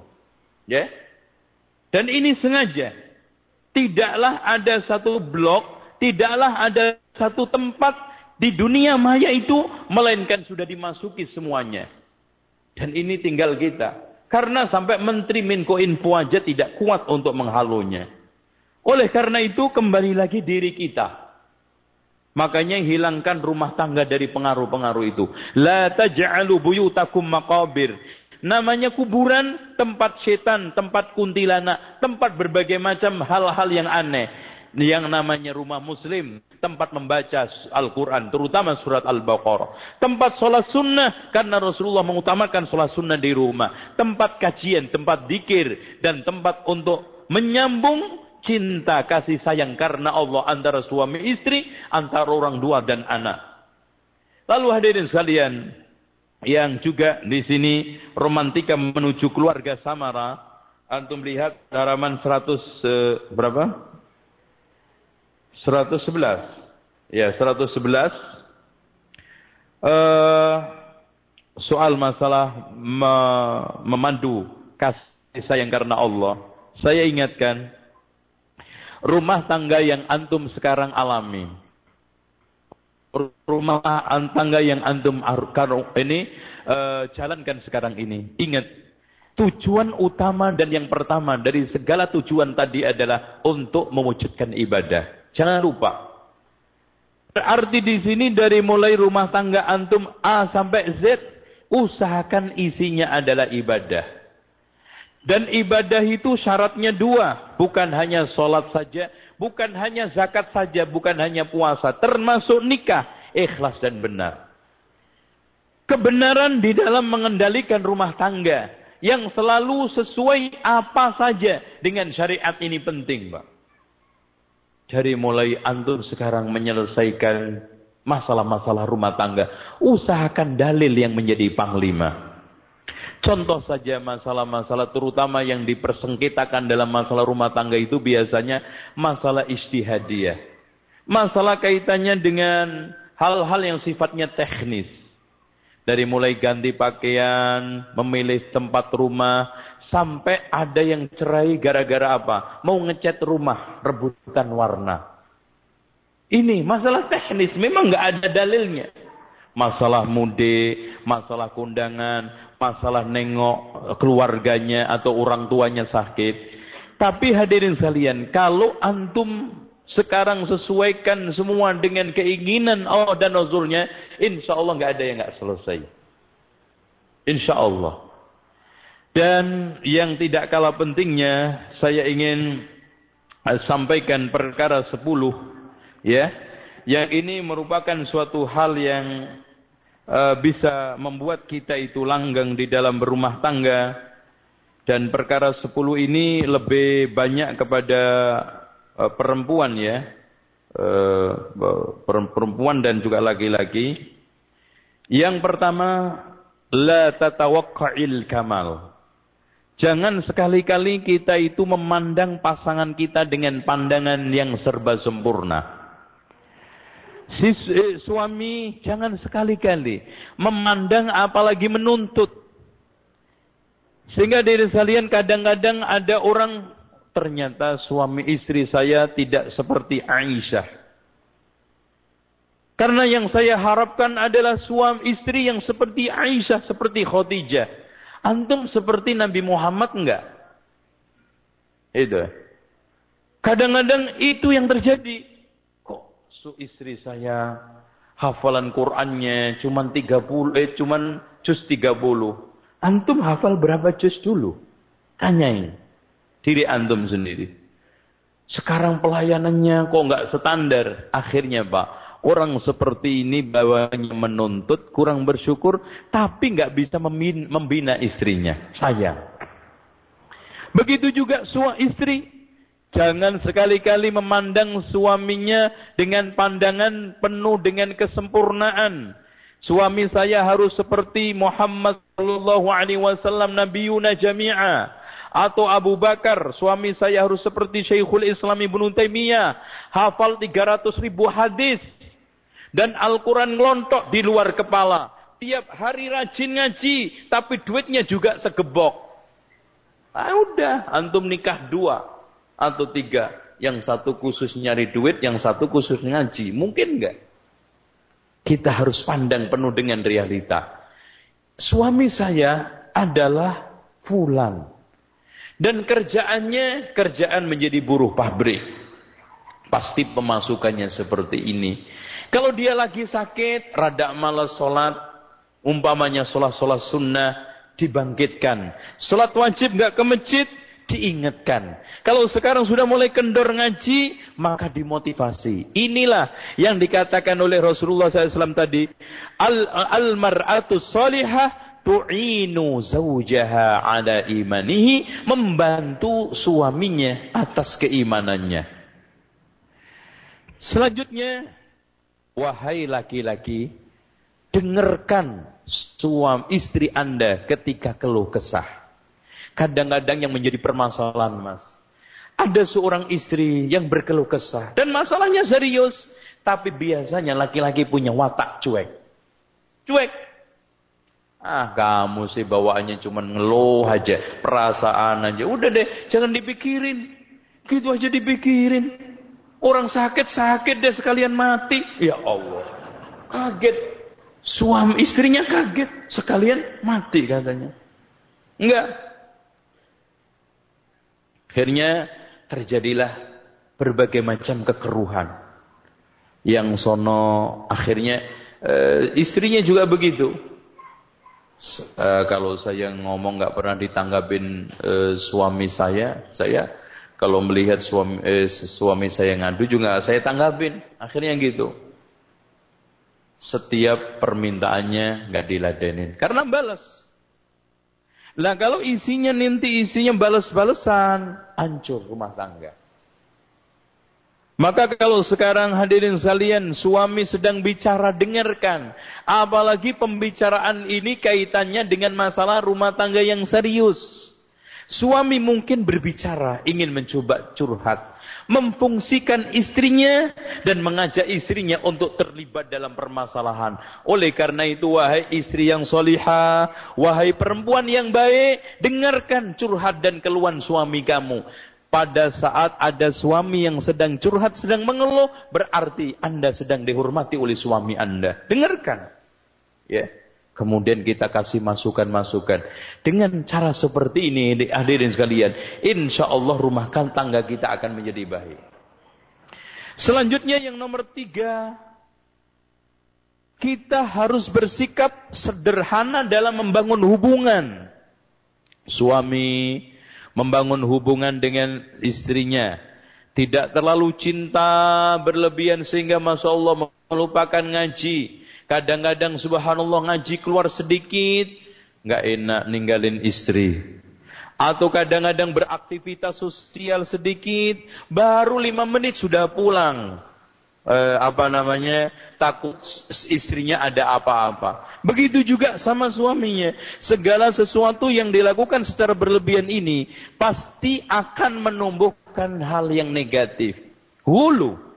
Hulu itu bukan hanya di dalam masalah sesembahan. Hulu itu bukan hanya yang sekarang ini dibahas dalam masalah pujian terhadap Rasulullah, cinta kepada Rasul. Hulu dalam segala hal termasuk mencintai suami, suami mencintai istri. Maka di sini hendaknya membangun hubungan suami istri dengan bangunan yang proporsional dan objektif serta tidak berlebihan. Tidak terlalu teledor, artinya sangat meremehkan. Tapi tidak berlebihan tadi. Sampai keluar masjid aja jarang. Karena istri. Ngaji jarang karena istri. Semua sehingga pertimbangannya hanya istri. Hampir nyaris istri menjadi Tuhan. Mungkin yang minimal kedua. Dan ini nggak boleh. Bahkan setelah pernikahan harus dakwah semakin kencang, ngaji semakin bagus, beraktivitas sosial semakin baik, dan bahkan keagamaannya harus semakin meningkat. Jangan semakin turun. Dan selanjutnya yang nomor empat, perhatikan. La taj'alil mal. Jangan jadikan harta merusak kehidupan kalian. Ya, terutama perempuan. Jangan sampai hanya karena harta, kehidupan rumah tangga akhirnya bubar, berantakan. Ya, dalam masalah ekonomi, pertikaian masalah harta, kelas masalah harta, rebutan warisan, dan yang lainnya, ini harus kita hindarkan. Rumah tangga, hubungan silaturahmi, segala-galanya. Dan harta harus kita letakkan di bawahnya. Jangan sampai karena hanya harta, eh, suami istri tegang. Atau keluarga, adik kakak tidak akor. Putus silaturahmi. Bahkan anak sama bapak tidak saling nyambung. Hanya karena harta, rumah tangga kita jangan sampai hancur. Lalu yang kelima, at-tahalli bittisamati tarhib Usahakan laki dan perempuan, suami istri, bila ketemu, apalagi sudah lama tidak ketemu, tugas luar, dari kerja, saling lempar senyum, senyum aja dulu. Soal nanti dia pulang bawa apa nomor sekian, aku bisa ngasih apa nomor sekian. Yang penting bisa lempar, saling lempar senyum. Sudah Masya Allah. Menunjukkan kalau istri saya sudah senyum ini, pasti rumah di rumah ini tidak ada masalah. Di rumah ini nggak ada perkara-perkara yang signifikan dan problem rumah tangga tidak ada. Begitu juga ketika suami pulang senyum, pasti urusannya sukses, tugasnya lancar dan bepergiannya juga tidak ada masalah. Senyum. Ya ikhwan, sekarang ini senyum sama orang lain aja sodako, apalagi sama istri kita, sama suami kita. Kadang-kadang di antara kita suami ataupun istri sangat mahal senyum sama suaminya. Tapi sama tukang sayur gampang senyum. Sama orang lain murah senyum. Akhirnya di sini muncul bibit, bibit yang aneh-aneh. Termasuk cemburu. Ya gimana nggak cemburu? Ini istri saya kalau sama saya susah senyum. Tapi sama tukang sayur, sama orang lain kok enak banget. Gampang, mudah. Ada apa ini? Gitu. Terus kemudian usahakan masing-masing memiliki sikap sensitif terhadap kondisi lawan jenisnya, pasangannya. Umpamanya suami eh, suami terhadap istrinya kayaknya suami saya istri saya ini kok akhir-akhir ini murung, akhir-akhir ini kurang semangat. Ada apa? Ini harus ada sensitivitas. Begitu juga istri harus ada sensitif. Sebelum minta harusnya sudah hadir. Wah kayaknya suami saya ini minta uh, air, minta kopi. Atau suami saya mau berangkat. Apa biasanya kerja yang harus disiapkan? Kadang-kadang Masya Allah suami cari baju sendiri, cakat, cari kaos sendiri, katok dalam sendiri. Semuanya serba sendiri, makan cari sendiri. Kalau seperti itu kesimpulannya apa mbak? Ngapain saya punya istri? Adanya tidak adanya sama saja. Nah inilah, ini permasalahannya. Awalnya dianggap sepele, tetapi sebetulnya ini masalah berat Bahkan ada orang yang awalnya mau menceraikan suami istrinya hanya karena apa? Setiap diminta untuk bikinin kopi nggak mau, baju nggak mau. Kadang-kadang diminta untuk suatu keperluan mendesak menolak. Ya kadang-kadang uh, sudah menolak ngomongnya ngeyel. Minta menang sendiri egonya yang ditonjolkan. Ya kadang-kadang bantahnya seenaknya. Dek bikinin kopi dong. Lo kan udah gede, masa nggak bisa? Masa bikin kopi aja nggak bisa? Bikin sendiri dong.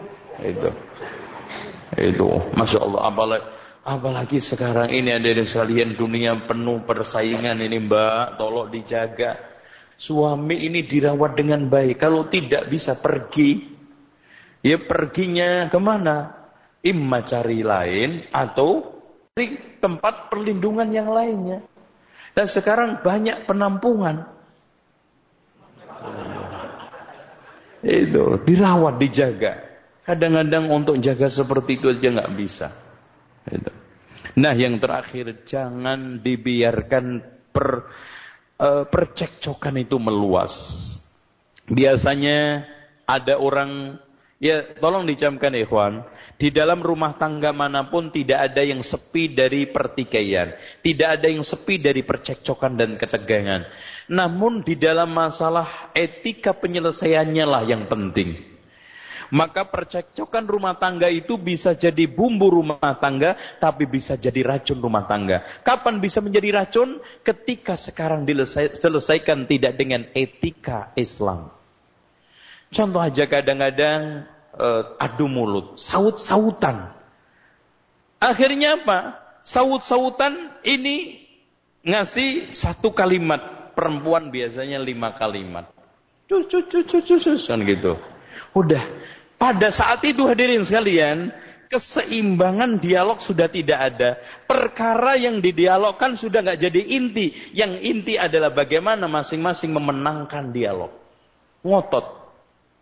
Nah, paling pada saat itu sudah hilang. Apalagi sudah ngomong gak karu-karuan. Eh, satu contoh eh, masalah eh, dialog. Eh, awalnya kecil tentang masalah kaitannya dengan sekolah anak kayak atau mungkin masalah kaitannya dengan walimah anaknya yang sudah mulai uh, mau menikah dan yang lainnya mencari jodoh terutama Akhirnya di sini kriteria bapak beda dengan ibu. Nah, akhirnya sampai menimbulkan ketegangan. Ketegangan itu meluas kalau sudah tidak diselesaikan etika. Umpamanya ngomong nggak karu-karuan. Udah deh pokoknya kalau sekarang anak ini dinikahkan dengan dia, saya nggak setuju. Terserah nanti mau jadi manusia apa. Nah, tuh, udah mulai panas. Eh, pokoknya sekarang bapak terserah, pilihkan anak itu jodoh siapa. Tapi kalau ada apa-apa saya nggak mau tahu. Nanti anaknya kayak bapaknya kayak, nah ini bapaknya kena. Itu kayak mbahnya, nah udah mulai kena. Dari etika permasalahannya. Demikian, insya Allah kita akan jawab pertanyaan. Mudah-mudahan dari permasalahan, dari jawaban-jawaban ini kita bisa mendapatkan menyempurnakan masalah-masalah rumah tangga. Ana pernah mendengar pendapat yang mengatakan anak adalah hasil dari usaha orang tuanya. Dengan dalil tersebut, maka semua amal soleh seorang anak otomatis orang tua mendapatkan pahalanya. Apakah benar pendapat tersebut? Benar.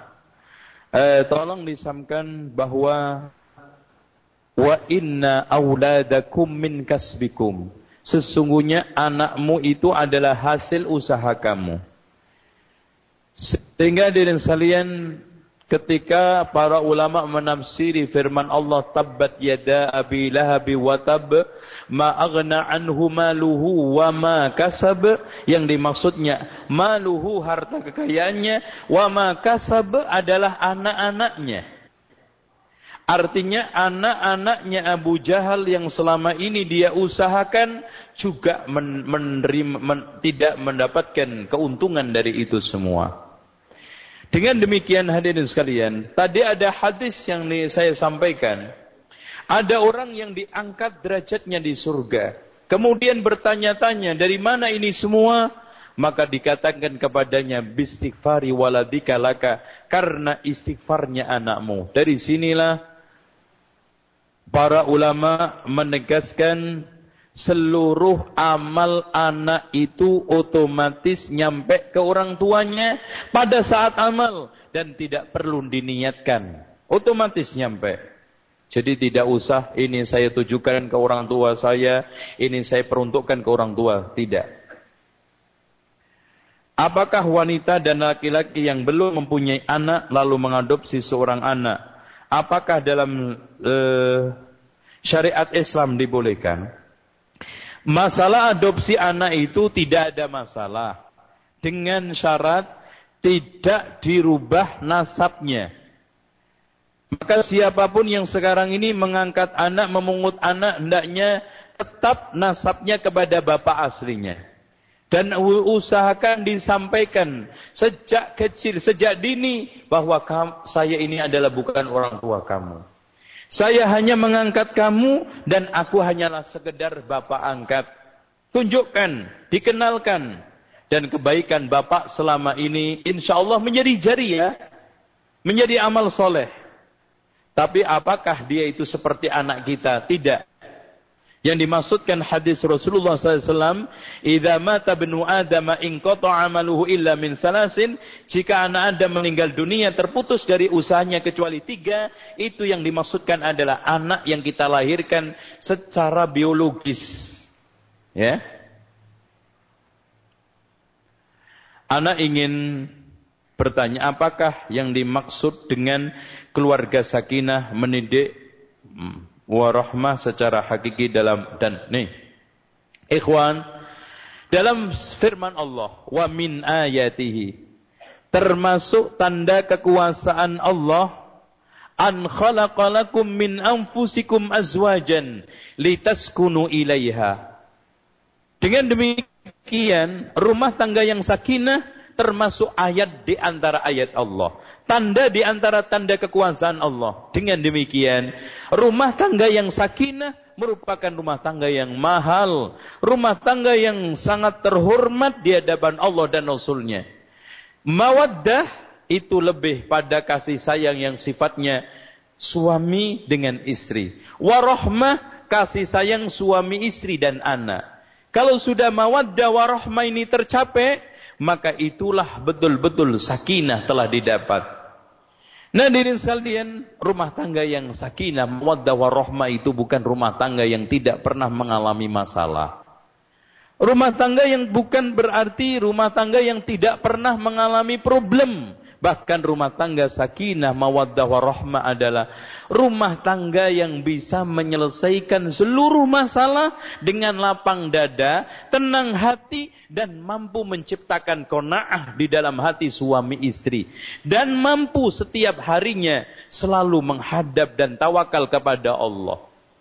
Sebesar apa pun masalah yang dihadapin suami istri, kalau dihadapi dengan lapang dada, lalu tenang hati, dan mampu menerima pemberian Allah. Yang penting halal walaupun sedikit dan setiap harinya selalu bergantung dekat dan tawakal kepada Allah. Itulah rumah tangga yang sakinah, mawaddah warahmah. Maka Allah memberikan suatu penegasan tadi, wa min ayatihi an khalaqalakum min anfusikum azwajan dan azwaj di sini maksudnya adalah zaujatan salihatan yang membantu kita dalam beribadah kepada Allah dan iman kita sehingga otomatis litas kuno. Ya ikhwan, contoh aja sekarang rumah tangga tidak lepas dari berbagai macam masalah. Ada yang sekarang ini dihadapkan masalah anak sakit yang tidak kunjung mendapatkan perobat. Ada yang sekarang ini diuji oleh Allah setiap hari selalu konflik, tidak ada yang cocok dan selalu salah faham. Tidaklah ada satu kalimat muncul melainkan kesalahfahaman yang muncul. Bahkan kalimat yang satu aja keluar mas, salah fahamnya itu dua tiga. Ada yang diproblemkan sekarang ini punya masalah ketegangan dengan mertua atau orang tua, dengan saudara. Intinya rumah tangga adalah gudang masalah. Tapi kalau antum bisa menyelesaikan dengan lapang dada, tenang hati, dan mampu memiliki sifat kona'ah, walaupun sekarang ini sedikit, yang penting halal. Dan insya Allah hari-hari kita selalu menghadap, tergantung, tawakal kepada Allah. Nggak ada masalah yang nggak bisa diselesaikan. Dan rahasianya ya ikhwan, semuanya itu kita tanggalkan kepentingan ego, daerah, intrik-intrik pribadi, dan subjektivitas. Usahakan Al-Quran dan Sunnah menjadi panglima utama. Kemudian jalankan rumah tangga ini penuh dengan keikhlasan. Dan padati hari-hari Anda dekat dengan ulama, ilmu, tahajud. Dan Al-Quran menjadi penghias antum setiap hari, insya Allah. Nggak ada satu rumah tangga yang nggak bisa diselesaikan. Kalau sekarang ini coba lihat antum berdua rajin ngaji. Setelah pulang mencoba untuk diskusi. Ada masalah selalu kita cocokkan dengan Al-Quran dan Sunnah. Kalau nggak ada menyelesaikan, nggak bisa menyelesaikan, coba kita bawa kepada orang yang lebih alim. Hanya yang sulit. Nggak ada. Ustadz, Ana mau bertanya. Ada yang mengatakan kepada Ana, Muslim yang kuat lebih disukai daripada Muslim yang lemah. Apakah ini hadis dengan alasan inilah teman anda menunda untuk menikah dengan alasan dapat melemah melemahkan untuk menuntut ilmu? Maksudnya? Uh, hadirin sekalian, ini hadisnya benar. Hadis dikeluarkan oleh Imam Muslim. Al-mu'minul qawiyyu khairun wa ahabbu ila Allahi minal mu'minina dha'if. Maksudnya di sini kuat dari sisi akalnya, kuat dari sisi mentalnya, kuat dari sisi hartanya, kuat dari sisi kebaikannya, kuat dari sisi dohirnya, kuat dari sisi kepribadiannya. Tapi bukan kuat dari sisi imannya. Sekarang iman sama-sama mukmin, artinya nggak ada bedanya mukmin kaya, mukmin miskin, mukmin sehat, mukmin yang nggak sehat. Kalau iman sama-sama tapi hadirin sekalian kalau sekarang mukmin yang sehat otomatis lebih baik daripada mukmin yang badannya itu sakit-sakitan. Karena mau ibadah susah. Mau tahajud repot. Mau ngaji masuk angin. Ini akhirnya lebih baik depan Allah. Tapi yang salah ikhlas ini adalah menafsiri lemah dan kuat. Karena dia menganggap menikah melemahkan menuntut ilmu ini salah. Harusnya dengan menikah menguatkan menuntut ilmu. Caranya cari istri yang menguatkan Anda menuntut ilmu, menguatkan Anda berdakwah. Itu banyak. Ya. Bagaimana cara menyikap nikah banyak masalah. Nikah muda banyak masalah kalau yang menikah itu artis. Satu. Kemudian yang kedua, kalau yang menikah itu jahil terhadap masalah-masalah keagamaan yang kaitannya mengelola rumah tangga.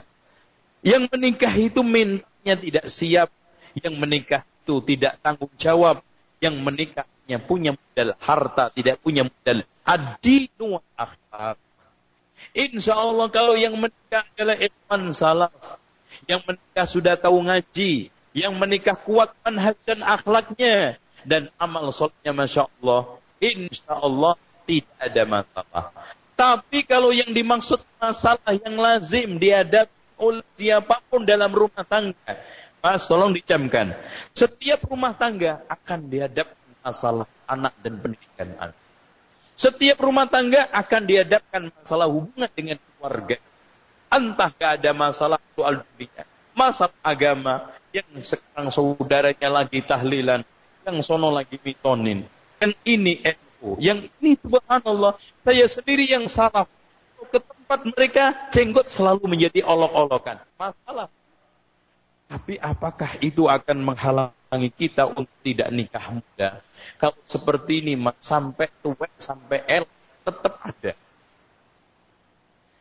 Insya Allah dengan modal ilmu nafi hati akan menjadi khusyuk. Jiwa akan kona'ah dan hubungan kita sama Allah baik. Tolong mas, siapa saja yang hubungan dengan Allah baik, maka Allah akan perbaiki hubungan dengan Tuhannya. Maka ada para ulama mengatakan, kalau kamu ingin memiliki hubungan baik dengan manusia, perhati hubungan kamu dengan Allah. Yang penting sama Allah, bukan sama makhluk.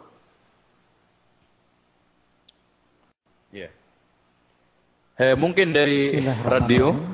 Silakan dari radio Bas Abu Raihan. Kami persilakan pertanyaan dari radio Bas. Beberapa saat se sebelum kita akan lanjutkan kajian untuk dari relay tablik akbar Atau dari sini aja dulu. oleh Al Ustaz Zainal Abidin Al Syafidullah Ta'ala tentang Ya, silakan.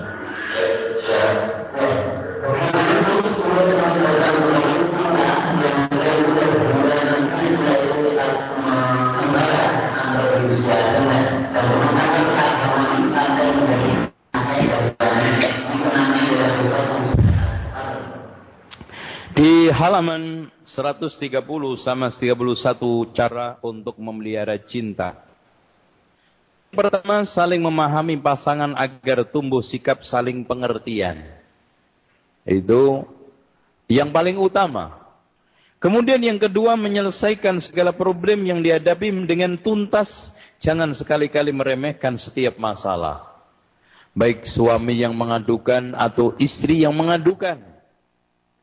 Yang ketiga, saling tolong menolong di antara suami dan istri. Ikhwan, jangan antum remehkan bantuan antum terhadap istri antum ketika nyuci piring. Coba bagaimana Rasulullah SAW sampai nyuci baju sendiri. Kadang-kadang jahit baju sendiri. Nampak sepele, satu dua piring antum sempat cuci. Setelah itu ngaji. Atau sempat antum bantuin nyuci pakaian. Subhanallah. Kebersamaan antum di ruangan cuci, di tempat cucian kemudian sambil ngobrol, apalagi sambil cengkrama, apalagi sambil mencoba untuk memecahkan masalah rumah tangga, sambil nyuci. Itu tiga pakaian selesai nggak terasa. Itu. Nggak serasa. Kalau sekarang kita ini masak sambil antum ambilin uh, ini apa ini mas? Coba dimatiin mas. Biasanya bumbu, diambil bumbunya, ya. Bawang putihnya antum kulitin, merahnya antum kulitin, kemudian antum ambilkan cabenya. Itu membantu kondisi tersendiri. Ya, membantu. Ya. Terus kemudian bergembira dan saling menghibur baik dengan ucapan maupun tindakan, ya. Kalau sekarang suaminya yang duka di, ada problem masalah di kantor, maka istri harus sanggup untuk menghiburnya. Begitu juga sekarang istri yang sedang mengalami duga, maka suami harus bisa memberikan masukan-masukan. Sehingga ada yang menguatkan, ada yang menghiburnya, ada yang sekarang ini membantu di sela-sela kesedihan. Kunda yang hati kadang-kadang lemah, ada yang mengangkatnya. Jangan dibiarkan lemah semakin lemah. yakin ini artinya hati sudah gundah teriris dan seakan-akan di sini tidak ada orang yang memperhatikan saya. Terutama orang yang paling saya cintai siapa? Suami saya. Motivasi dan mengingatkan segi-segi kehidupan, ke, keindahan dan kelebihan masing-masing suami. Pak, kalau kita duduk, masing-masing menunjukkan kelebihan pasangan. Kelebihan suami diungkapkan istri. Kelebihan istri diungkapkan suami. Daripada kita saling mengungkapkan kelemahan kita. Di samping nanti memancing emosi, merasa direndahkan, bahkan saya merasa tertusuk perasaan saya dengan omongan suami saya atau istri saya, betapa indahnya rumah tangga dan majlis serta duduk kita-kita hiasi dengan saling mengangkat dan menyebut kelebihan masing-masing pasangan. Yang entah sisi agamanya, sisi akhlaknya, perhatian sosialnya, aktivitas sosialnya, hubungan dengan keluarganya, ya, masya Allah, eh, apa namanya kita puji selama ini perhatian dengan orang tua saya, adik saya, kakak saya, ini kita sampaikan. Itu menyenangkan, mengembirakan, menguatkan daripada hanya sekedar satu dengan yang lainnya mencari-cari kesalahan kelemahan menjauhi sikap kritikan pedas, celaan secara terus-menerus, apalagi kekerasan, karena hal itu akan menimbulkan bara api dendam tidak akan padam. Tujuh, memelihara bersemayamnya tabiat keluhuran jiwa dan kecerdasan. Artinya gini loh mas, usahakan masing-masing pasangan mencoba untuk menghiasi luhurnya budi bermuamalah dengan bermuamalah dengan kecerdasan dan kecerdikan. Coba saat suami atau saat istri sedang seperti ini, kecerdikan kita kita manfaatkan. Bagaimana cara untuk membangkitkan kembali? Dia yang sudah terpuruk, dia yang sekarang ini mungkin sudah patah arang, apalagi sudah kebenciannya klimak, dengan kecerdikan kita manfaatkan. Kecerdasan kita kita bangkitkan kembali kerelaan dan kesetiaan memelihara setiap kelebihan dan kekurangan sehingga tidak terlalu mengharap sesuatu yang berlebihan dari pasangannya. Artinya kita bisa mencoba menerima apa adanya, jangan nuntut yang seharusnya. Dan caranya mas, cobalah kita gali potensi baiknya dia apa, yang sekarang ini kekurangannya kita terima apa adanya. Insya Allah tidak ada yang jelek di depan kita. Tidak ada istilah sekarang suami saya atau istri saya nggak cocok dengan saya. Saya ingin cerai, saya sudah bosan, saya sudah kayaknya tidak cocok dengan dia. Ini pernikahan kalau dilanjutkan akan menjadi neraka. Sudah tidak ada lagi. Jujur dan mampu mengatur waktu dengan baik. Karena waktu yang adil untuk kerja dan keluarga sangat diperlukan demi keharmonisan dan kehangatan keluarga dan mengungkapkan rasa cinta dan kekaguman dengan perkataan dan perbuatan pada pasangannya. Ini insya Allah akan mampu menjaga kasih sayang dan cinta. Insya Allah. Selanjutnya di sini ada pertanyaan Ana da, Ana sudah berumah tangga belum punya keturunan. Mohon ya solusinya eh, pertama antum berubat karena kadang-kadang tidak maksimalnya sperma akan menimbulkan lamban punya keturunan. Tapi intinya kalau seandainya Allah mentakdirkan anda tidak punya anak atau mandul ketahuilah itu di balik itu semua ada maslahat dan hikmah. Barangkali kalau saya punya anak, saya akan terfitnah dengan anak itu. Agama saya akan luntur, ibadah saya akan kendor. Bahkan mungkin anak itu nakal, kena narkoba, menghancurkan masa depan dia dan saya. Mungkin Allah menakdirkan saya tidak punya anak lebih baik. Berapa banyak sekarang anak masuk masuk penjara, terjerat narkoba, perkelahian, bahkan menjadikan orang tua tiap hari sengsara dan tiap hari seakan rumah tangganya adalah neraka. Karena apa? Anaknya nak, anaknya hancur. Bahkan yang perempuan hamil di luar nikah. Terjerat pergaulan bebas, diatur susah. Dan diajak ngaji apa lagi. Maka mungkin saya tidak punya anak lebih baik daripada punya anak. Makanya lihat hikmah.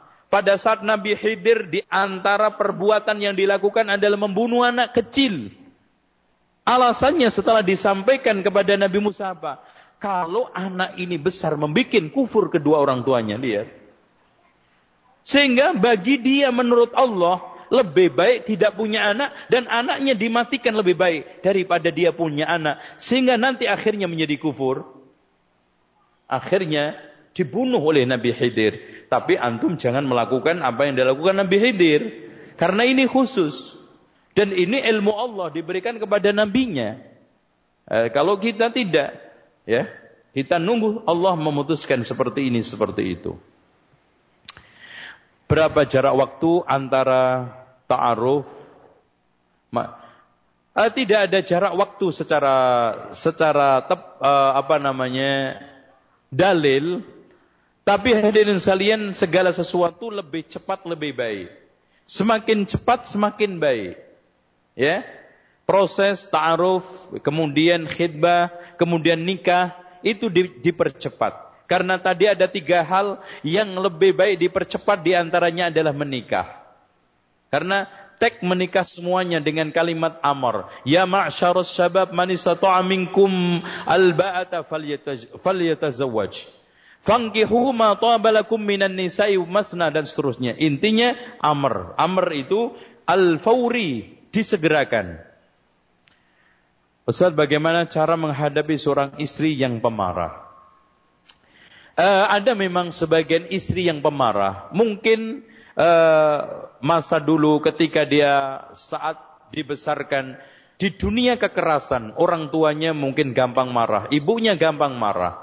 Kemudian sensitif sehingga di sini dibutuhkan ketelatenan. Pertama, istri ente sudah sering puasa. Insya Allah dengan sering puasa amarah ini akan hilang. Kemudian sering ta'awud dan ajari ta'awud kepada Allah subhanahu wa ta'ala. Lalu antum pahami latar belakang dia. Dulu yang membuat dia itu marah apa. Suruh ceritakan masa lalunya. Setelah itu kita obatin satu persatu. Kalau bisa juga kita datangkan ke orang yang lebih paham, lebih ngerti tentang kejiwaan sehingga bisa mengarahkan dia. Lalu antum harus bisa mengondisikan yang menjadi pemicu marah itu apa? Tapi kalau dikit-dikit marah, dikit-dikit marah, apa aja marah, ini otomatis setan. Harus dirukyah. Antum rukyah, dan insya Allah dengan rukyah berkali-kali akan sembuh dengan sendirinya Eh, pelan-pelan akan mendapatkan obat biiznillah dengan ruqyah tersebut. Itu solusi. Dan nasihatin cara-cara untuk apa namanya menghindari marah dari mulai wudhu, kemudian kalau orang sambil berdiri duduk, kalau duduk tidur, insya Allah cara-cara seperti itu akan bisa uh, apa namanya mengurangi atau meminimalisir kemarahan. Yang tidak kalah pentingnya jelaskan tentang bahaya marah. Dari mulai mengecewakan orang lain, mungkin merusak, mungkin jiwa tegang, syaraf juga tegang. Ini hal-hal yang merugikan pada saat orang itu marah. Biasanya ngomongnya juga ngawur ngacu. Dan bahkan kadang-kadang ngomong kufur, na'udzubillah. Minimal ngomong maksiat atau merusak. Maka kalau kita jelaskan seperti itu, mudah-mudahan dia itu faham. Apa saja yang boleh kita lihat saat hmm, menazor yang boleh dilihat seluruh apa saja yang menarik. Kata Rasulullah SAW, "Man istata'a ayyandur ila ma yad'u ila nikah falyaf'al." Barang siapa yang mampu melihat melihat eh, barang siapa yang mampu melihat sesuatu yang mendorong untuk menikah hendaklah melakukan.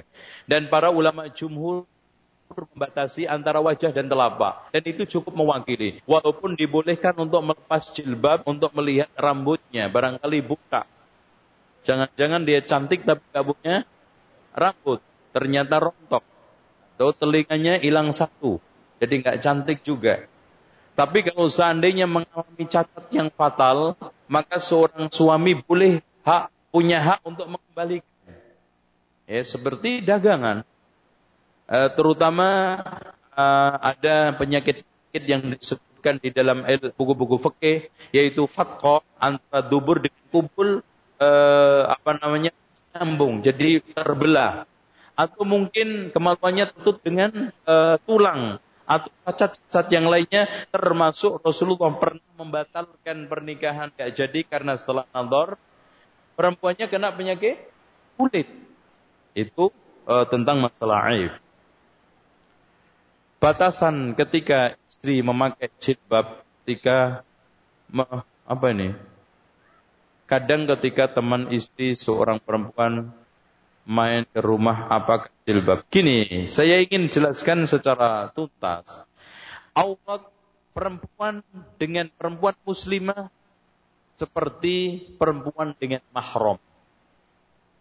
Perempuan dengan mahramnya bagaimana? Bisa kelihatan uh, apa rambutnya, tengkuknya dan juga apa uh, ini lengan dan betis. Intinya seperti saat dia itu kerja nyuci dan masak, itu yang boleh kelihatan. Perempuan dengan perempuan dan perempuan dengan mahram. Kalau perempuan dengan wanita kafir seperti perempuan dengan laki-laki lain. Adapun perempuan dengan laki-laki lain bukan mahram, maka yang boleh kelihatan Menurut sebagian ulama, muka sama telapak tangan. Adapun yang lainnya tertutup. Atau, atau sebagian ulama mengatakan semua harus ditutup. Tapi dilihat. Kalau sekarang muka tersebut nah, maka ditutup. Karena masalah muka itu fitnah, bukan aurat. Maka semakin apa namanya wajah itu menimbulkan fitnah, maka semakin kuat untuk anjuran untuk menutupnya. Saya sekarang tanya sama antum, muka orang yang umurnya 71 dengan 17 beda nggak? Udah. Ya kalau ada orang yang mengatakan sama berarti konsep matanya beda. Oleh karena itu sekarang kalau mukanya umurnya muda 17, 1, 17 maka harus ditutup. Tapi kalau sekarang 71, 72, 78 apalagi eh sudah bahkan dibolehkan untuk menanggalkan jilbabnya. Ini soal masalah aurat. menghadiri walimah yang di situ ada musik, tidak boleh menghadiri walimah yang ada unsur maksiatnya. Baik itu maksiatnya kaitannya dengan musik atau mungkin tradisi-tradisi syirik atau mungkin campur baur antara laki dan perempuan karena undangan yang wajib dihadiri adalah undangan yang lepas dari unsur-unsur maksiat. Dan maksiat di dalam walimah itu banyak. Yang nomor satu sekarang di antaranya adalah musik. Yang keduanya adalah campur baur laki perempuan salam-salaman. Yang ketiganya tidak kalah pentingnya adalah acara budaya. Bahkan kadang-kadang antara laki dan perempuan cium-ciuman. Yaitu apa? Tempel pipi. Itu kemungkaran. Kemungkaran. Dalam kondisi seperti itu, tidak boleh hadir kita. Selanjutnya, proses ta'aruf hanya terjadi dalam tempo waktu yang sangat sedikit dan sebentar. Bagaimana caranya menentukan pilihan pasangan yang tepat sedangkan proses mengenal antara laki dan perempuan. Sebetulnya cara yang paling tepat antum tanya kepada orang yang sudah bergaul dengan dia. Bergaul dengan dia puluhan tahun. Siapa? Ibunya, saudaranya, temannya. Tanya. Dari sisi akidahnya, ibadahnya, wataknya, tabiatnya, kecil saja. Nah ini ngomongnya gimana sih? Kalau sama temannya suka nyolot nggak, jajannya bagaimana, makan caranya bagaimana. Dari situ kita akan mendapatkan informasi yang lengkap. Informasi dari orang-orang yang sekarang ini tiap hari ya ketemu dan bergaul sama dia. Dengan demikian untuk mendapatkan informasi yang tuntas pun tidak mengharuskan kita harus pacaran sampai bertahun-tahun dan ini bukan solusi. Pacaran adalah adat orang kafir. Pacaran adalah suatu adat yang bertentangan dengan Islam dan auzubillah min dzalik ikhwan. Banyak mereka yang pacarannya lebih lama umurnya daripada nikahnya. Pacarannya 6 tahun, umurnya baru 3 tahun sudah nikah, sudah bubar. Ini menunjukkan pacaran itu tidak jamin.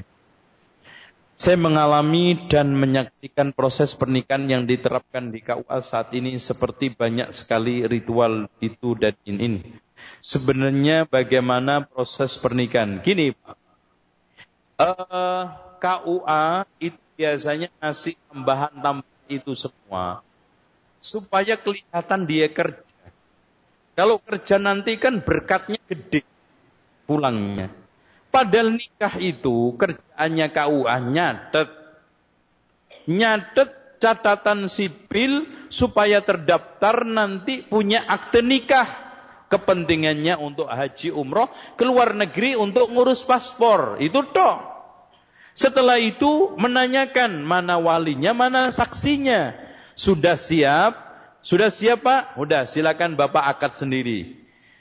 Bismillahirrahmanirrahim. Saya nikahkan anak saya bernama Fatimah dengan mahar 2000 rupiah. Oh, Masya Allah. Nikah apa 2000 rupiah? Ya, 2000 dolar kontan. Saya terima nikah anak bapak dengan mahar tersebut kontan selesai. Enggak ada doa juga Rabbana Allahumma alif baina bainahuma kama alabta baina Muhammad wa Khadijah wa baina Fatimah wa Ali wa baina Yusuf wa, wa Zulaikha. Emang tahu Yusuf sama Zulaikha nikah? Nah ini aneh, Yusuf sama Zulaikha katanya. Padahal tidak ada riwayat yang sahih Yusuf sama Zulaikha itu nikah. Itu. Itu semuanya doa bid'ah. Biasanya diawali dengan Astaghfirullah hal hal wa atubu ilaih Ashhadu an la ayo Pak Ashhadu an la ilah Alasannya si KUA barangkali dia itu murtad menjelang nikah. Kafir menjelang nikah. Kalau kafir murtad nikahnya enggak sah, makanya disyahadatkan dalam rangka hati-hati. Hati-hati di sini itu udah nggak perlu. Untuk apa? Sementara jelas kita menghukumi dohir muslim, dia sholat dan alhamdulillah pakai jilbab. Anehnya yang sudah ngaji jilbabnya Masya Allah, yang laki jenggotnya panjang, disahadatkan juga. Anehnya mau juga itu. Yang salah antumnya. Ngapain mau juga disyahadatkan? Tidak benar. Itu.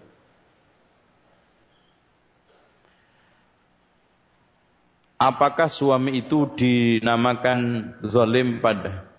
Bagaimana Ustaz kalau suami selalu membuat kesalahan dan selalu mengulang-ulang selingkuh? Ya kalau selingkuh itu uh, an, ini sudah perbuatan apalagi berulang-ulang dan tidak bisa dihilangkan maka Anda dibolehkan untuk menggugat cerai dan ini merupakan suatu presiden yang jelek. Apa perbuatan suami saya berdampak pada anak-anak? Ya bisa saya tidak mau digauli, dia juga tidak mau apa hukumnya. Ya sebaiknya pisah dengan cara hulu karena hal seperti ini akan menghancurkan diri. Diri dia hancur sudah diri kamu sebagai istri dan anak. Dan tolong dicamkan tidaklah ada kemungkaran dan kebaikan ngumpul di dalam satu tempat. Tauhid sama syirik, sunnah sama bid'ah, kufur sama iman, dan taat sama maksiat. Pasti dalam kondisi seperti ini akan kalah salah satunya. Dan biasanya yang kalah adalah istri. Dan suami seperti ini saya nasihatkan, Anda bertaubat kepada Allah. Kembalilah ke jalan yang benar. Zina merupakan suatu perbuatan yang terkutuk. Wala taqrabu zina innahu kana fahishatan wa sa'a sabila. Janganlah kalian dekat-dekat zina karena itu perbuatan keji dan sejelek-jelek jalan hidup yang ditempuh oleh manusia. Kata Imam Syafi'i, "Wa may yazni yuzna fi baitihi walau bi jidarihi, fa'lam ya thalfata in kunta tafhami." Barang siapa yang berzina di suatu rumah suatu ketika rumahnya akan ditempati zina walaupun di pinggir temboknya. Pahamilah wahai orang yang cerdas kalau mau menggunakan akal sehatnya.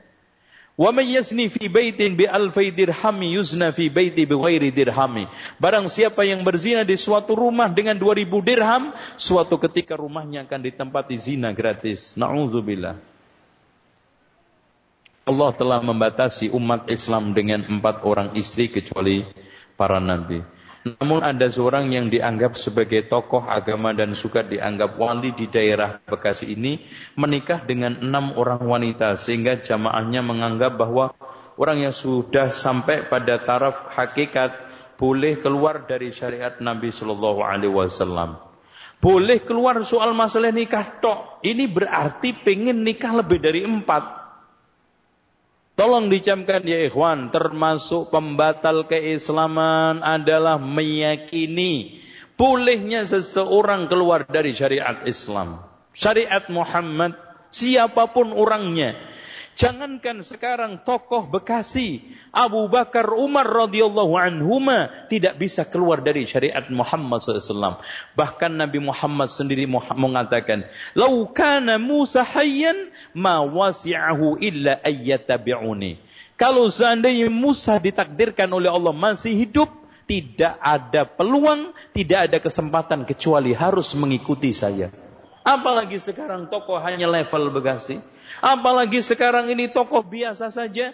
Sekarang Nabi Musa, Nabi Muhammad, ter, eh, na, eh, Abu Bakar Umar, termasuk Nabi Isa, nanti mengikuti syariat Nabi Muhammad. Dalam suatu riwayat disebutkan yahkum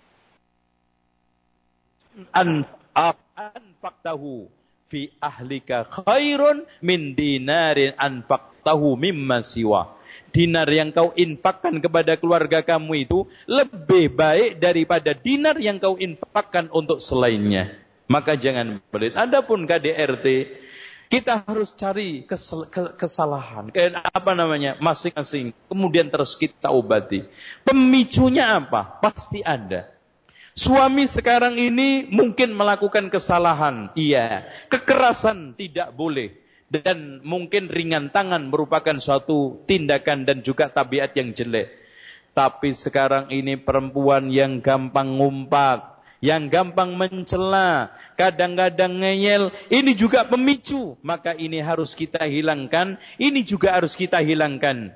Dan tolong dicamkan, KDRT kekerasan itu bukan hanya dalam masalah pukulan, bukan masalah gerakan tubuh. termasuk kekerasan mulut, kekerasan kalimat, kekerasan ungkapan dan termasuk kekerasan tuntutan. Wallahu a'lam. Ada lagi? Silakan. Radio Bas. Ya, silakan. Uh, Bismillahirrahmanirrahim. Halo. Halo. Silakan Radio Bas FM. Dari Radio yeah. Ya, silakan.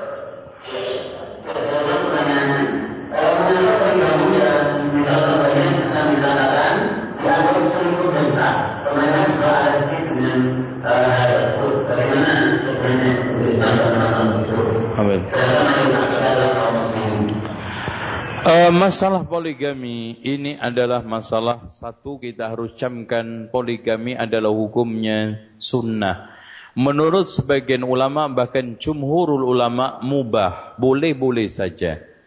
Berarti di sini kalau mubah jangankan wajib sunnah aja tidak. Tapi tolong dicamkan resikunya. Sampai Rasulullah mengatakan Man kana lahu imra'atani famala famala ila ihdahuma jaa yaumal qiyamati wa syakkuhu ma'il. Barang siapa yang sekarang punya dua istri atau lebih yang condong kepada salah satunya, maka datang di hari kiamat mati separuh. Dan Rasulullah Allah Subhanahu wa taala berfirman, "Fankihu ma taba lakum minan nisa'i masna wa sulasa wa ruba, fa in khiftum alla ta'dilu fawahidatan." Adil di sini dalam masalah papannya, pakaiannya, nafkahnya, dan juga termasuk pendidikan anak-anaknya. Tolong dicamkan hadirin sekalian, poligami bukan hanya umur 2-3 tahun, tapi poligami merupakan satu proses yang sangat panjang. Sekarang antum harus ukur kewajiban, jangan hanya ukur hak. Hak saya kalau sudah punya istri dua kan begini, begini, begini. Bicara masalah kenikmatannya saja. Bicara masalah untungnya saja. Tidak bicara masalah ruginya.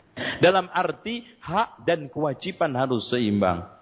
Coba kalau antum sekarang punya anak 15 dari istri tiga. 5, 5, 5. Sudah berapa? 15. Itu. Kalau sekarang hanya sekedar memandang beberapa saat, apalagi kepentingan sesaat, hanya uh, secara masya Allah gaji saya 3 juta mau nikah uh, poligami mau nikah tiga Ustaz. Ini namanya bunuh diri. Antum mau bunuh diri atau mau poligami? Itu. Yang satu satu juta satu juta. Nah listriknya, airnya, kontrak rumahnya, udah. Ini realita, menghadapi realita. Baik, eh, kami persilakan kepada Radio Muas Abul Khair. Baik. Uh, Assalamualaikum warahmatullahi wabarakatuh, Ustaz. Waalaikumsalam. Yeah. Baik. Uh, pertanyaan dari Radio Muat, Ustaz. Uh, yang pertama, uh, Ustaz, apakah uh, apakah mungkin uh, mungkinkah kita diperbolehkan menceraikan antara suami dan istri yang dari keluarga kita, di mana suaminya tidak mau melaksanakan sholat, tapi keluarga mereka damai sejahtera jauh dari percekcokan. Syukur Ini bukan orang minta cerai. Apa? Kalau sekarang suaminya tidak sholat, maka Syekh Muhammad ibnu Salal Uthaymin mengatakan di antara konsekuensi orang meninggalkan sholat istrinya harus minta pisah. Wajib. Karena dia berkumpul dengan orang kafir, murtad balahan. Tapi ini tidak sholat total sama sekali. Karena Syekhul Islam Ibn Taimiyah membedakan orang yang sholat total, eh, orang yang meninggalkan sholat secara total, maka ini kafir. Kalau kadang sholat, kadang tidak, masih dihukumin muslim. Kalau kondisinya sudah tidak sholat sama sekali, maka istrinya harus segera minta pisah, khulu, fas, eh, fasah, maaf, fasah, minta dilepas pernikahannya dan dia tidak sah melakukan hubungan suami istri dan dia tidak boleh ngumpul karena sama saja hubungannya adalah perzinaan wallahu a'lam Ya, eh, kami informasikan sebelumnya Ustaz bahwa kajian kita ini juga di live oleh Ahsan TV streaming dan uh, diliput oleh beberapa negara. Kami kembali uh, menyampaikan uh, pertanyaan silahkan kepada Radio Muas Abul Khair. Pardon. Uh, pertanyaan berikutnya Ustaz.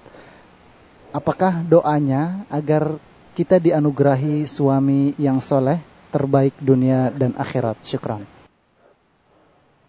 Kalau doa, ya kita doa secara umum Rabbana hablana min azwajina wa dhurriyyatina qurrata a'yun waj'alna lil muttaqina imama.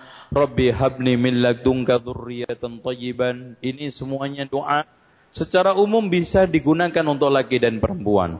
Yang tidak kalah pentingnya adalah ikhtiar laki dan perempuan mencari wasilah yang baik, yang benar dan selektif dalam mencari jodoh. Jangan sampai keliru, jangan sampai salah sehingga nanti menyesal.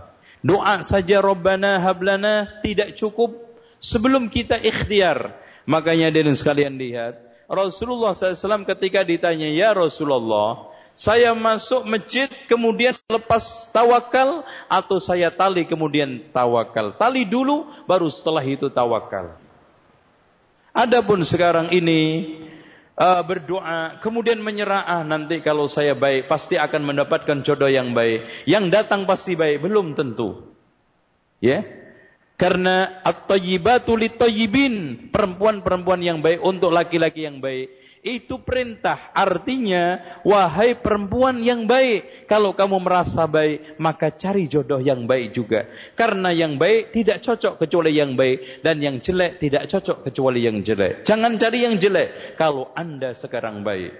Ya, Allah Kami beri kesempatan terakhir, silakan kepada Radio Muas. Sebelumnya kita akan menjawab pertanyaan di masjid. Silakan uh, Radio Muas menjawab. Baik, uh, pertanyaan terakhir untuk sementara dari Radio Muas. Uh, bagaimana hukum seorang sang istri yang mengatakan kepada suaminya, lebih baik engkau berjajan di luar daripada engkau uh, memadu saya. Syukran. Gimana? Eh? Ya kalau sekarang ada ini kebiasaan buruk. Ya semua laki dan perempuan.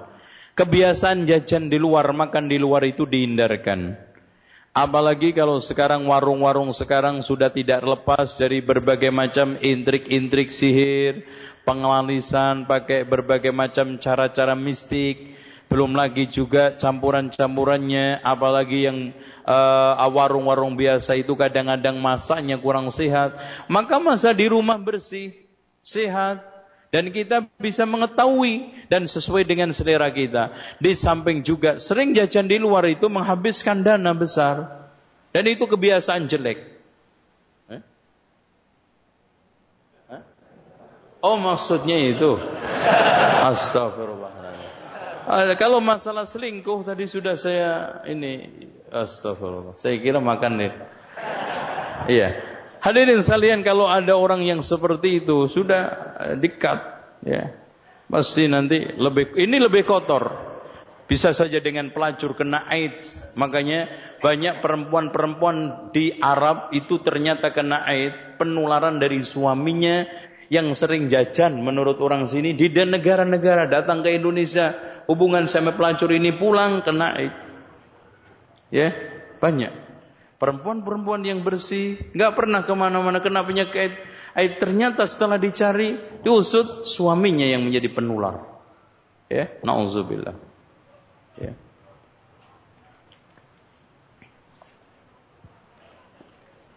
Bagaimana kalau mau nikah orang tua tidak setuju hanya karena gara-gara wanita itu miskin? Jelaskan bahwa kemiskinan itu bukan suatu hal yang nista. Apalagi miskinnya karena menjaga diri, tidak mau kerja yang haram, tidak mau usaha yang syubhat, tapi dia tetap Masya Allah sabar dengan kemiskinannya. Dan dia terus menjaga diri untuk tidak minta-minta. Bahkan orang miskin seperti ini lebih baik daripada kaya korupsi, kaya dengan yang haram, kaya dari hal-hal yang syubhat. Nauzubillah. Dan juga pahamkan, menikah yang utama adalah akhlak agama, bukan sekarang ini status duniawinya. Apalagi sekarang yang menjalani pernikahan itu Anda. Yang penting Anda siap menghadapi wanita tersebut. Insya Allah Bismillah nggak ada masalah. Saat bagaimana cara untuk menikah di usia muda? Apakah maksud tujuannya untuk menikah di usia? Eh, tadi sudah saya jelaskan di antaranya memaksimalkan usia produktif. Juga mem, mem, apa namanya? Kita maksimal untuk melahirkan, mendidik anak. Dan yang tidak kalah pentingnya kita sejak dini terkontrol dari pengaruh-pengaruh maksiat terutama yang ditimbulkan dari fitnah wanita dan penyaluran biologis, kebutuhan biologis dan yang tidak kalah pentingnya hidup mapan sejak dini. Tadi yang sudah saya jelaskan. Bagaimana nasihat untuk wanita yang masih belum siap untuk berjilbab besar karena takut pandangan masyarakat negatif? Ya ikhwan, pertama bukan masalah jilbab besar atau kecil. Sekarang jilbab yang syar'i. Kita fahamkan kepada dia, apakah Anda sekarang ini lebih di, lebih enak dicintai oleh Allah apa dicintai oleh manusia? Itu satu. Kemudian mencari ridho Allah dengan mencari ridho manusia dapatnya apa? Kita bandingkan. Dan ini adalah perintah agama. Ya ayyuhan nabiyyu qul li azwajika wa banatika wa nisa'il mu'minin yudnina 'alaihinna min. Kalau memang seperti itu, perintah adalah wajib. Dijalankan tanpa adanya embel-embel, saya belum siap, saya enggak enak, masyarakat itu, itu harus kita enyahkan. Dengan cara seperti itu, siapa pun akan mantap. Dan juga pahami, Resiko orang yang tidak jilbaban dari sisi fitnah, ledekan pelecehan dan juga menimbulkan fitnah laki-laki lain dan termasuk kategori kategori maksiat terang-terangan. Siapa? Orang yang membuka auratnya atau kurang sempurna di dalam menutup aurat. Bukankah termasuk maksiat terang-terangan? Dan Rasulullah SAW mengatakan, "Kullu ummati mu'afin ilal mujahirun." Setiap umatku dimaafkan kecuali orang yang melakukan perbuatan maksiat terang-terangan. Dan tidak kalah pentingnya motivasi pak manfaatnya jilbab di dunia, di akhirat termasuk di dunia terjaga kehormatan, anggun, wibawa, bermartabat dan dicintai oleh Allah dan Rasulnya dan nanti di akhirat mendapatkan pahala insya Allah. Dari cara seperti ini insya Allah kita bisa memotivasi. Dan tidak kalah pentingnya, istri anda ajak bergaul dengan laki perempuan-perempuan yang cinta hijab dan biasa berhijab. Jangan dibiarkan mereka bergaul dengan wanita-wanita yang biasa buka-bukaan. Pakai pakaian minim dan tidak berjilbab. Pasti akan sulit. Bolehkah seorang suami sementara tidak memberikan uang belanja sebagai bentuk sanksi karena istri tidak taat kepada suami. Bentuknya nggak tahu kayak apa. E, kalau memang sekarang ini tidak tak dididik dulu, karena aturannya itu kan pertama kita nasihatin, kemudian kita diamkan. Setelah itu kita pukul, tapi pukulannya tidak melukakan, bukan langsung tidak dikasih belanja belanja itu terhenti tidak tidak kita berikan ketika dia itu nusus sampai keluar rumah itu baru boleh kita stop. Tapi kalau sekarang ini masih ada di rumah bersama kita tentang masalah tadi itu masih kita bisa selesaikan secara bertahap tadi, insya Allah nggak ada masalah. Ini, ini yang terakhir apa solusi yang tepat untuk menasihati istri yang apabila dinasihati malah selalu membantah atau menyepelekan nasihat yang diberikan? Hadirin sekalian, uh, banyak hal yang melatar belakangi istri seperti ini. Pertama mungkin latar belakang pendidikan yang dia selama ini dapatkan terutama di keluarganya atau pergaulan lingkungannya atau dia hidup di tengah biasanya istri itu lebih berani kepada suami atau perempuan berani kepada laki-lakinya. Lalu selama ini di dalam rumahnya kurang pengondisian. Dikondisikan kepemimpinan, taat, turut dan tidak ada bantahan-bantahan terhadap nasihat-nasihat tersebut. Dan usahakan juga antum di dalam cara memberikan nasihat. Usahakan lemah lembut, sopan santun dan mencari tempat dan tepat yang pas. Contoh aja lagi masa antum langsung kasih masukan-masukan. Udah begitu cara memberikan nasihatnya nyerang langsung. Yakin ini tidak maksimal. Atau hadirin sekalian di dalam hal-hal yang sifatnya sensitif, antum cari cara yang paling tepat untuk merubahnya. Barangkali kita sekarang cara nasihat langsung tidak kena. Mungkin lewat orang lain. Nggak kena juga dengan buku. Atau dengan kaset. Ini insya Allah pelan-pelan akan bisa merubah. Dan yang juga uh, apa namanya tidak kalah pentingnya adalah cara komunikasi. Komunikasi kita latih terus. Kita belajar komunikasi. Dengan suami, suami dengan istri. Dengan komunikasi yang baik, anda akan bisa sampai memudah untuk menyampaikan nasihat-nasihat tersebut. Pak, tolong dicamkan. Lihat bagaimana sekarang ini sales bisa menarik pelanggan karena apa? Masalah komunikasi. Dengan komunikasi yang baik, Anda akan bisa menyampaikan pesan-pesan nasihat dengan mudah. Itu yang bisa saya sampaikan. Mudah-mudahan manfaat. Kita akhiri subhanakallahumma hamdika. Asyadu an la ilaha illa wa atubu ilaik. Assalamualaikum warahmatullahi wabarakatuh.